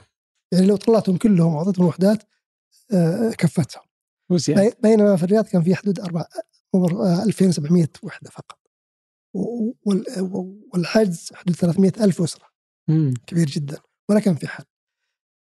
إحنا لما جت الوزارة بالعهد الجديد مع الوزير الحالي واضح إنها حاولت تتبع مقاربات مختلفة بدل شراء أراضي وواجهت سد يعني جدار مسدود فقضية التمويل على التمويل التجاري شراء الشقق ماني عارف الإحصائيات إحنا محتاج لازم ننتظر 2020 مم. اللي السنة ما بعد بعد سنتين هم من هو سنة الإحصاء صح. فبيصير في تعداد للسكان والمساكن فتعداد المساكن وياخذ له كذا سنة على ما تطلع النتيجة نبي نشوف وش اللي صار. لأن الآن ما عندنا حصر. وبعدين إحنا نلاحظ إن الدولة الدولة نفسها جهاز الدولة السعودية تعاملها مع الأرض ملكية الأرض بالسنوات الأخيرة داخل بخط صارم. مم. ما تملكت بطرق قانونية ايا كان تسحب الأرض. فهذا قد من المؤمل إنه بيساهم كثير في حل مشكلة الإسكان. لأن مشكلة الإسكان بالمدن الكبيرة دي احتكار الاراضي فإذا ما كان الم- المتملك متملك بطريقة قانونية وإحنا شفنا أمثلة صارت تسحب. فالمؤمل إنها ت- آه، تدخل المواطنين فتساهم في آه، زيادة العرض وبالتالي قل قلة الأسعار فيشترون المواطنين سواء منها ولا من غير أراضي ثانية أكثر ويستطيعون التملك. هذا بنشوف وش اللي بيصير لما يجي آه، الاحصاء طبعا إحنا نعرف إنه 2030 خطة 2030 آه، تستهدف رفع آه، نسبية تملك السكان. أنا ناسي ارقام لكن تستهد- تستهدف. ف- وهذه طبعا يبغى لها 12 سنة عشان آه، تقاس وتشوف كم وصل النساء فعلا يعني هي في تحديات كثيرة. يا. آه تقيسها يعني تدخل فيها. آه، بالنسبة للسكن هل كنت يعني هل هذا كان أكثر من مأمول؟ كنت تتصور أنت انه بيكون هذه الحلول السريعة والضخمة؟ يعني بتكون يعني وقت أنت ما كنت تتكلم يعني. آه، آنذاك؟ ال- ال- طبعا الأسعار حقت ال- الوحدات بدأت تقف من ثلاث سنوات هي ذروتها 2014 هي طبعا كنت أمل يعني إنها تؤثر بشكل أكبر يعني مثلا لما جت اللي هو ضريبة رسوم الأراضي البيضاء طبعا هي أربع مراحل فإلى الآن ما طبقت المرحله الأولى طبعا لو طبق المراحل الثانية. بتساهم في آه، انخفاض الأسعار بس واضح إن الوزارة تتبع نهج حذر في الموضوع إنها تحاول تخلق مناخ يؤدي إلى زيادة العرض. بدون ما تضغط كثير على الملاك يعني هي تحاول إنها توجد شراكة وليس تهديد مع. الملاك وطبعا ملاك الأراضي بالسعودية تراهم فئه اجتماعية يعني قوية مؤثره يعني فمحاولة إيجاد يعني إنه لازم آه، أوكي أنتم شركاء لازم تشاركون بدل ما هي الأراضي محتكرة أنها تكون تعرض بشكل أكبر. فاللي كنت امله شخصيا طبعا يمكن آمال شخصية يعني كنت أتأمل أنها تكون نتائج أسرع من كذا. الآراء- الأسعار يعني توقفت عن الزيادة بدأت تنخفض بنسب يعني مو بذيك الحقيقة مرة يعني بالرياض يمكن 15% شيء زي كذا. فآمل أنها يعني تتسارع ال- ال- التغيرات بشكل أكبر يعني طيب. تمكين الناس يعني من طيب التملك. أنا بأخذ الحين بعطفها على مسألة اجتماعية وبكذا يعني أتصور نصل إلى آه، النهاية اللي هي اليوم السكن التغيرات الانتقال من مدينة لمدينه هالشكل الكبير برضو في تشكيل آه، الأحياء أظهر لنا اختفاء الحارة نقدر نقول كذا كيف تجد إنه يعني الحارة الجيران التعامل السعودي مع الجار آه، أبناء الحارة هذه المفاهيم في المجتمع السعودي؟ والله امل أن التغيرات الثقافية والتنظيمية اللي يمر بها المجتمع السعودي تعيد تشكيل هذا المفهوم، يعني شوف مثلا إحنا بدينا نشوف شيء من العودة للحارة. يعني قضية الحوامة مم. أو القرقعة برمضان كانت يعني مؤثمة. بدعة ما بدعة بدأت ترجع الحارات. فعلا. فهذه توجدنا. لاحظ أنت وزارة الشؤون البلدية والقروية البلديات والأمانات بدأت تعترف بحقوق غير سواقين السيارات باستخدام الفضاء العام. فصار في ارصفه يعني تحاول يصير في ارصفه وهو آخره. فهذا يوجد فضاء يلتقون فيها الناس. المدن الصغيرة بالذات الرياض مثلا في المدينة القديمة أكثر يعني من الحارات الجديدة.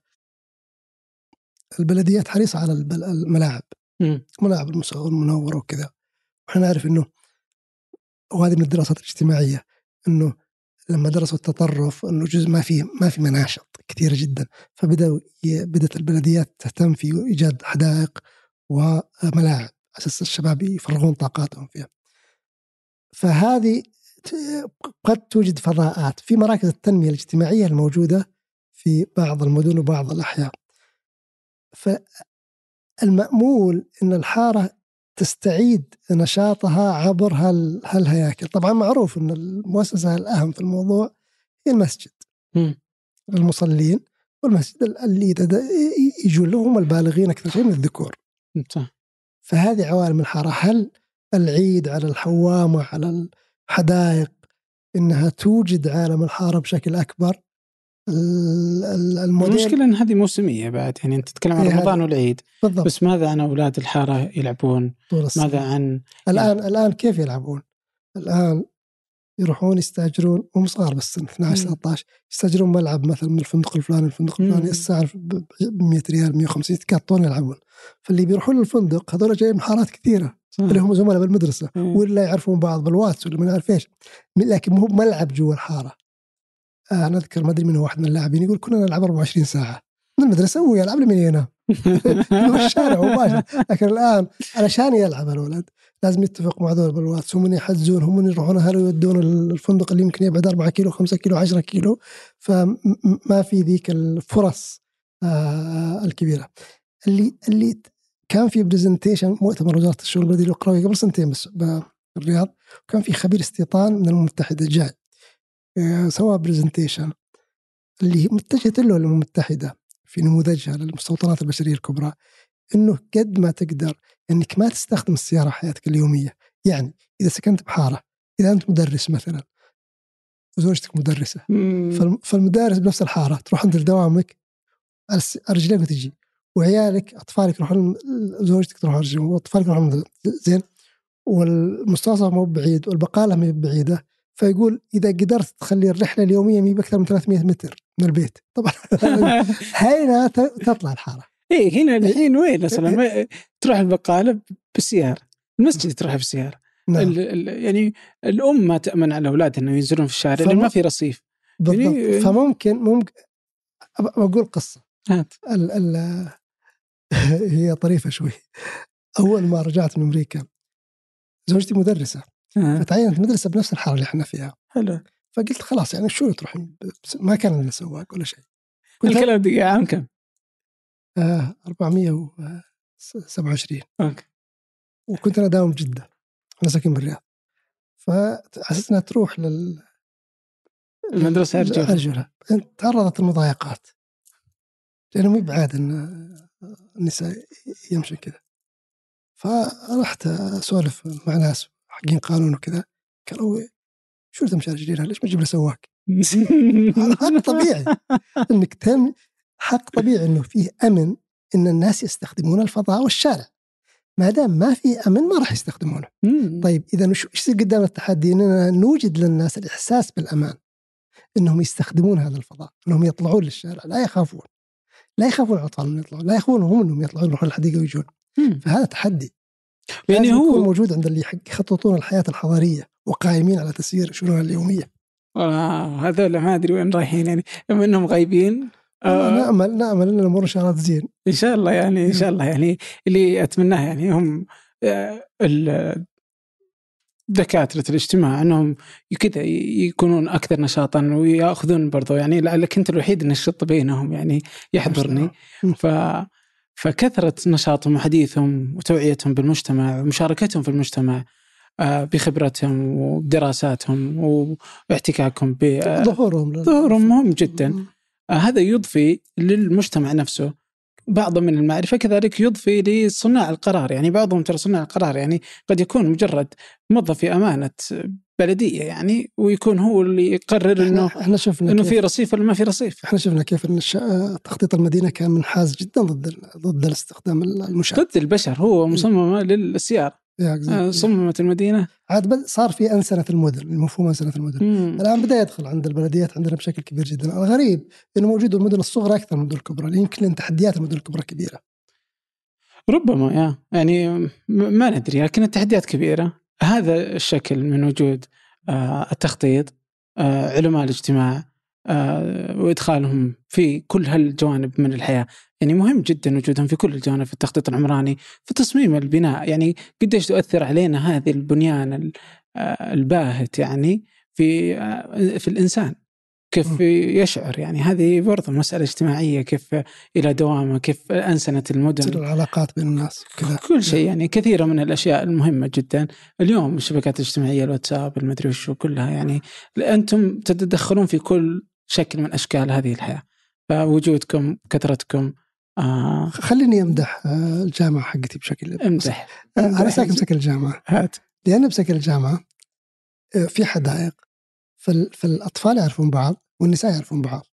ويتقابلون بشكل وما يحتاج لا سيارة ولا شيء لأنه بسبب جنب بعض فعلى الأقل الجامعة سيفت هذا الموضوع لمنتسبيها يعني. آه. أنتم يعني تحظون بامتياز يعني لا نحظى به. يعني يمكن هو المجتمع الكمباوندات المغلقة طبعا في هذا العالم والتحدي للمدن. التحدي للمدن يبقى وهذا مهم جدا يعني أجزم إنه تحدي صعب جدا. لأنك تتكلم عن مدينة كاملة. ليست سهلة التحديات مثل هذه يعني. نعم. لكن آه فيها في, في مفهوم اسمه المدينة صديقة الطفل. وله source book اللي هو كيف تصير المدينة صديقة الطفل. ف ومترجم العربي والمتحدة من اليونيسيف مترجم العربي و... والأساس إنه فعلا كيف المدينة تصير أول شيء آمنة. ترى لما تصير آمنة الناس خلاص يستخدمون الشوارع الفضاء بشكل عام بس أهم شيء توجد الأمن عند الناس. يعني مثلا كان في قبل الثورة السورية كان في أعتقد مدينة حلب كان في مدينة الطلبة كثير يموتون. اثر الباب حق الجيت حق المدرسة على شارع كبير. أنا منظر بس على شارع كبير زين. خطأ. تنظيمها بشكل بسيط يعني زين. فجورهم حقين المدرسة قالوا لا نقولوا على الأقل الشارع الثاني. فزي الأشياء ذي إن المدارس ما تصير على شوارع سريعة إنه آه إذا كان تقدر تخلي الناس يشتغلون يروحون يجون في في جامعة آه، نوره عندهم السكن حق قضايا التدريس. كان جو بيخلونه مدير صديق الطفل؟ فاستعانوا اذكر بالمعهد العربي لانماء المدن هو موجود بالرياض. فراحوا الخبراء درسوا وقالوا إن ال compound favoring آه، منحاز السيارات بشكل كبير جدا وهو هو compound لأنه عماير. وبنهاية العماير بآخر شيء المدرسة. الشارع اللي بين العماير يروح المدرسة شارع سيارات. فالاقتراح إنك تقفله ما يكون شارع سيارات لأن في شوارع منه في شوارع منه الناس يقدرون يدخلون وتخلي هذا كله حق مشاة وسياكل. فاللي الاطفال هم ينزلون من العماير يروحون بآخر يمكن كيلو أو نص كيلو المدرسة فيقدرون يروحون بدل ما يوصلهم أبوهم ولا شيء زي كذا يروحون ويجون إذا شعرت الأسرة إنه ما في سيارة تبي تصدم الطفل يقدر يروح يجي. فزي كذا حاجة زي كذا شيء بسيط يعني. أول اكتشاف إن الكمباوند هذا في منحاز للسيارات بشكل كبير جدا. فهذا الانحياز اللي يقل الآلة ويروح للإنسان بشكل أكبر ممكن يغير حياتنا وأسلوبنا. طريقة استخدام الفضاء فعلا والله. يعني وأغلب المدن اللي يسكنها أغلب السعوديون آه، هي منحازة للسيارة يعني نعم. وتغييرات مثل هذه ستكون مفيدة جدا. طيب أنا بهذا والله ممتن جدا آه لوقتك. آه استمتعت والله بالوقت يعني. تسلم. آه وعسى ما طولنا على المستمعين. لا لا لا مستانسين بالاستماع لك يعني. سلم. فشكرا جزيلا لك. الله يعطيك العافية. آه ممتن لوجودك. شكرا لكم جميعا. شكرا لكم. شكرا لخلف التحرير محمد نادي وفي الهندسة الصوتية محمد الحسن وفي الإشراف على إذاعة ثمانية ثمود بن محفوظ ومازن العتيبي. هذا فنجان أحد منتجات شركة ثمانية للنشر والتوزيع. الأسبوع المقبل ألقاكم.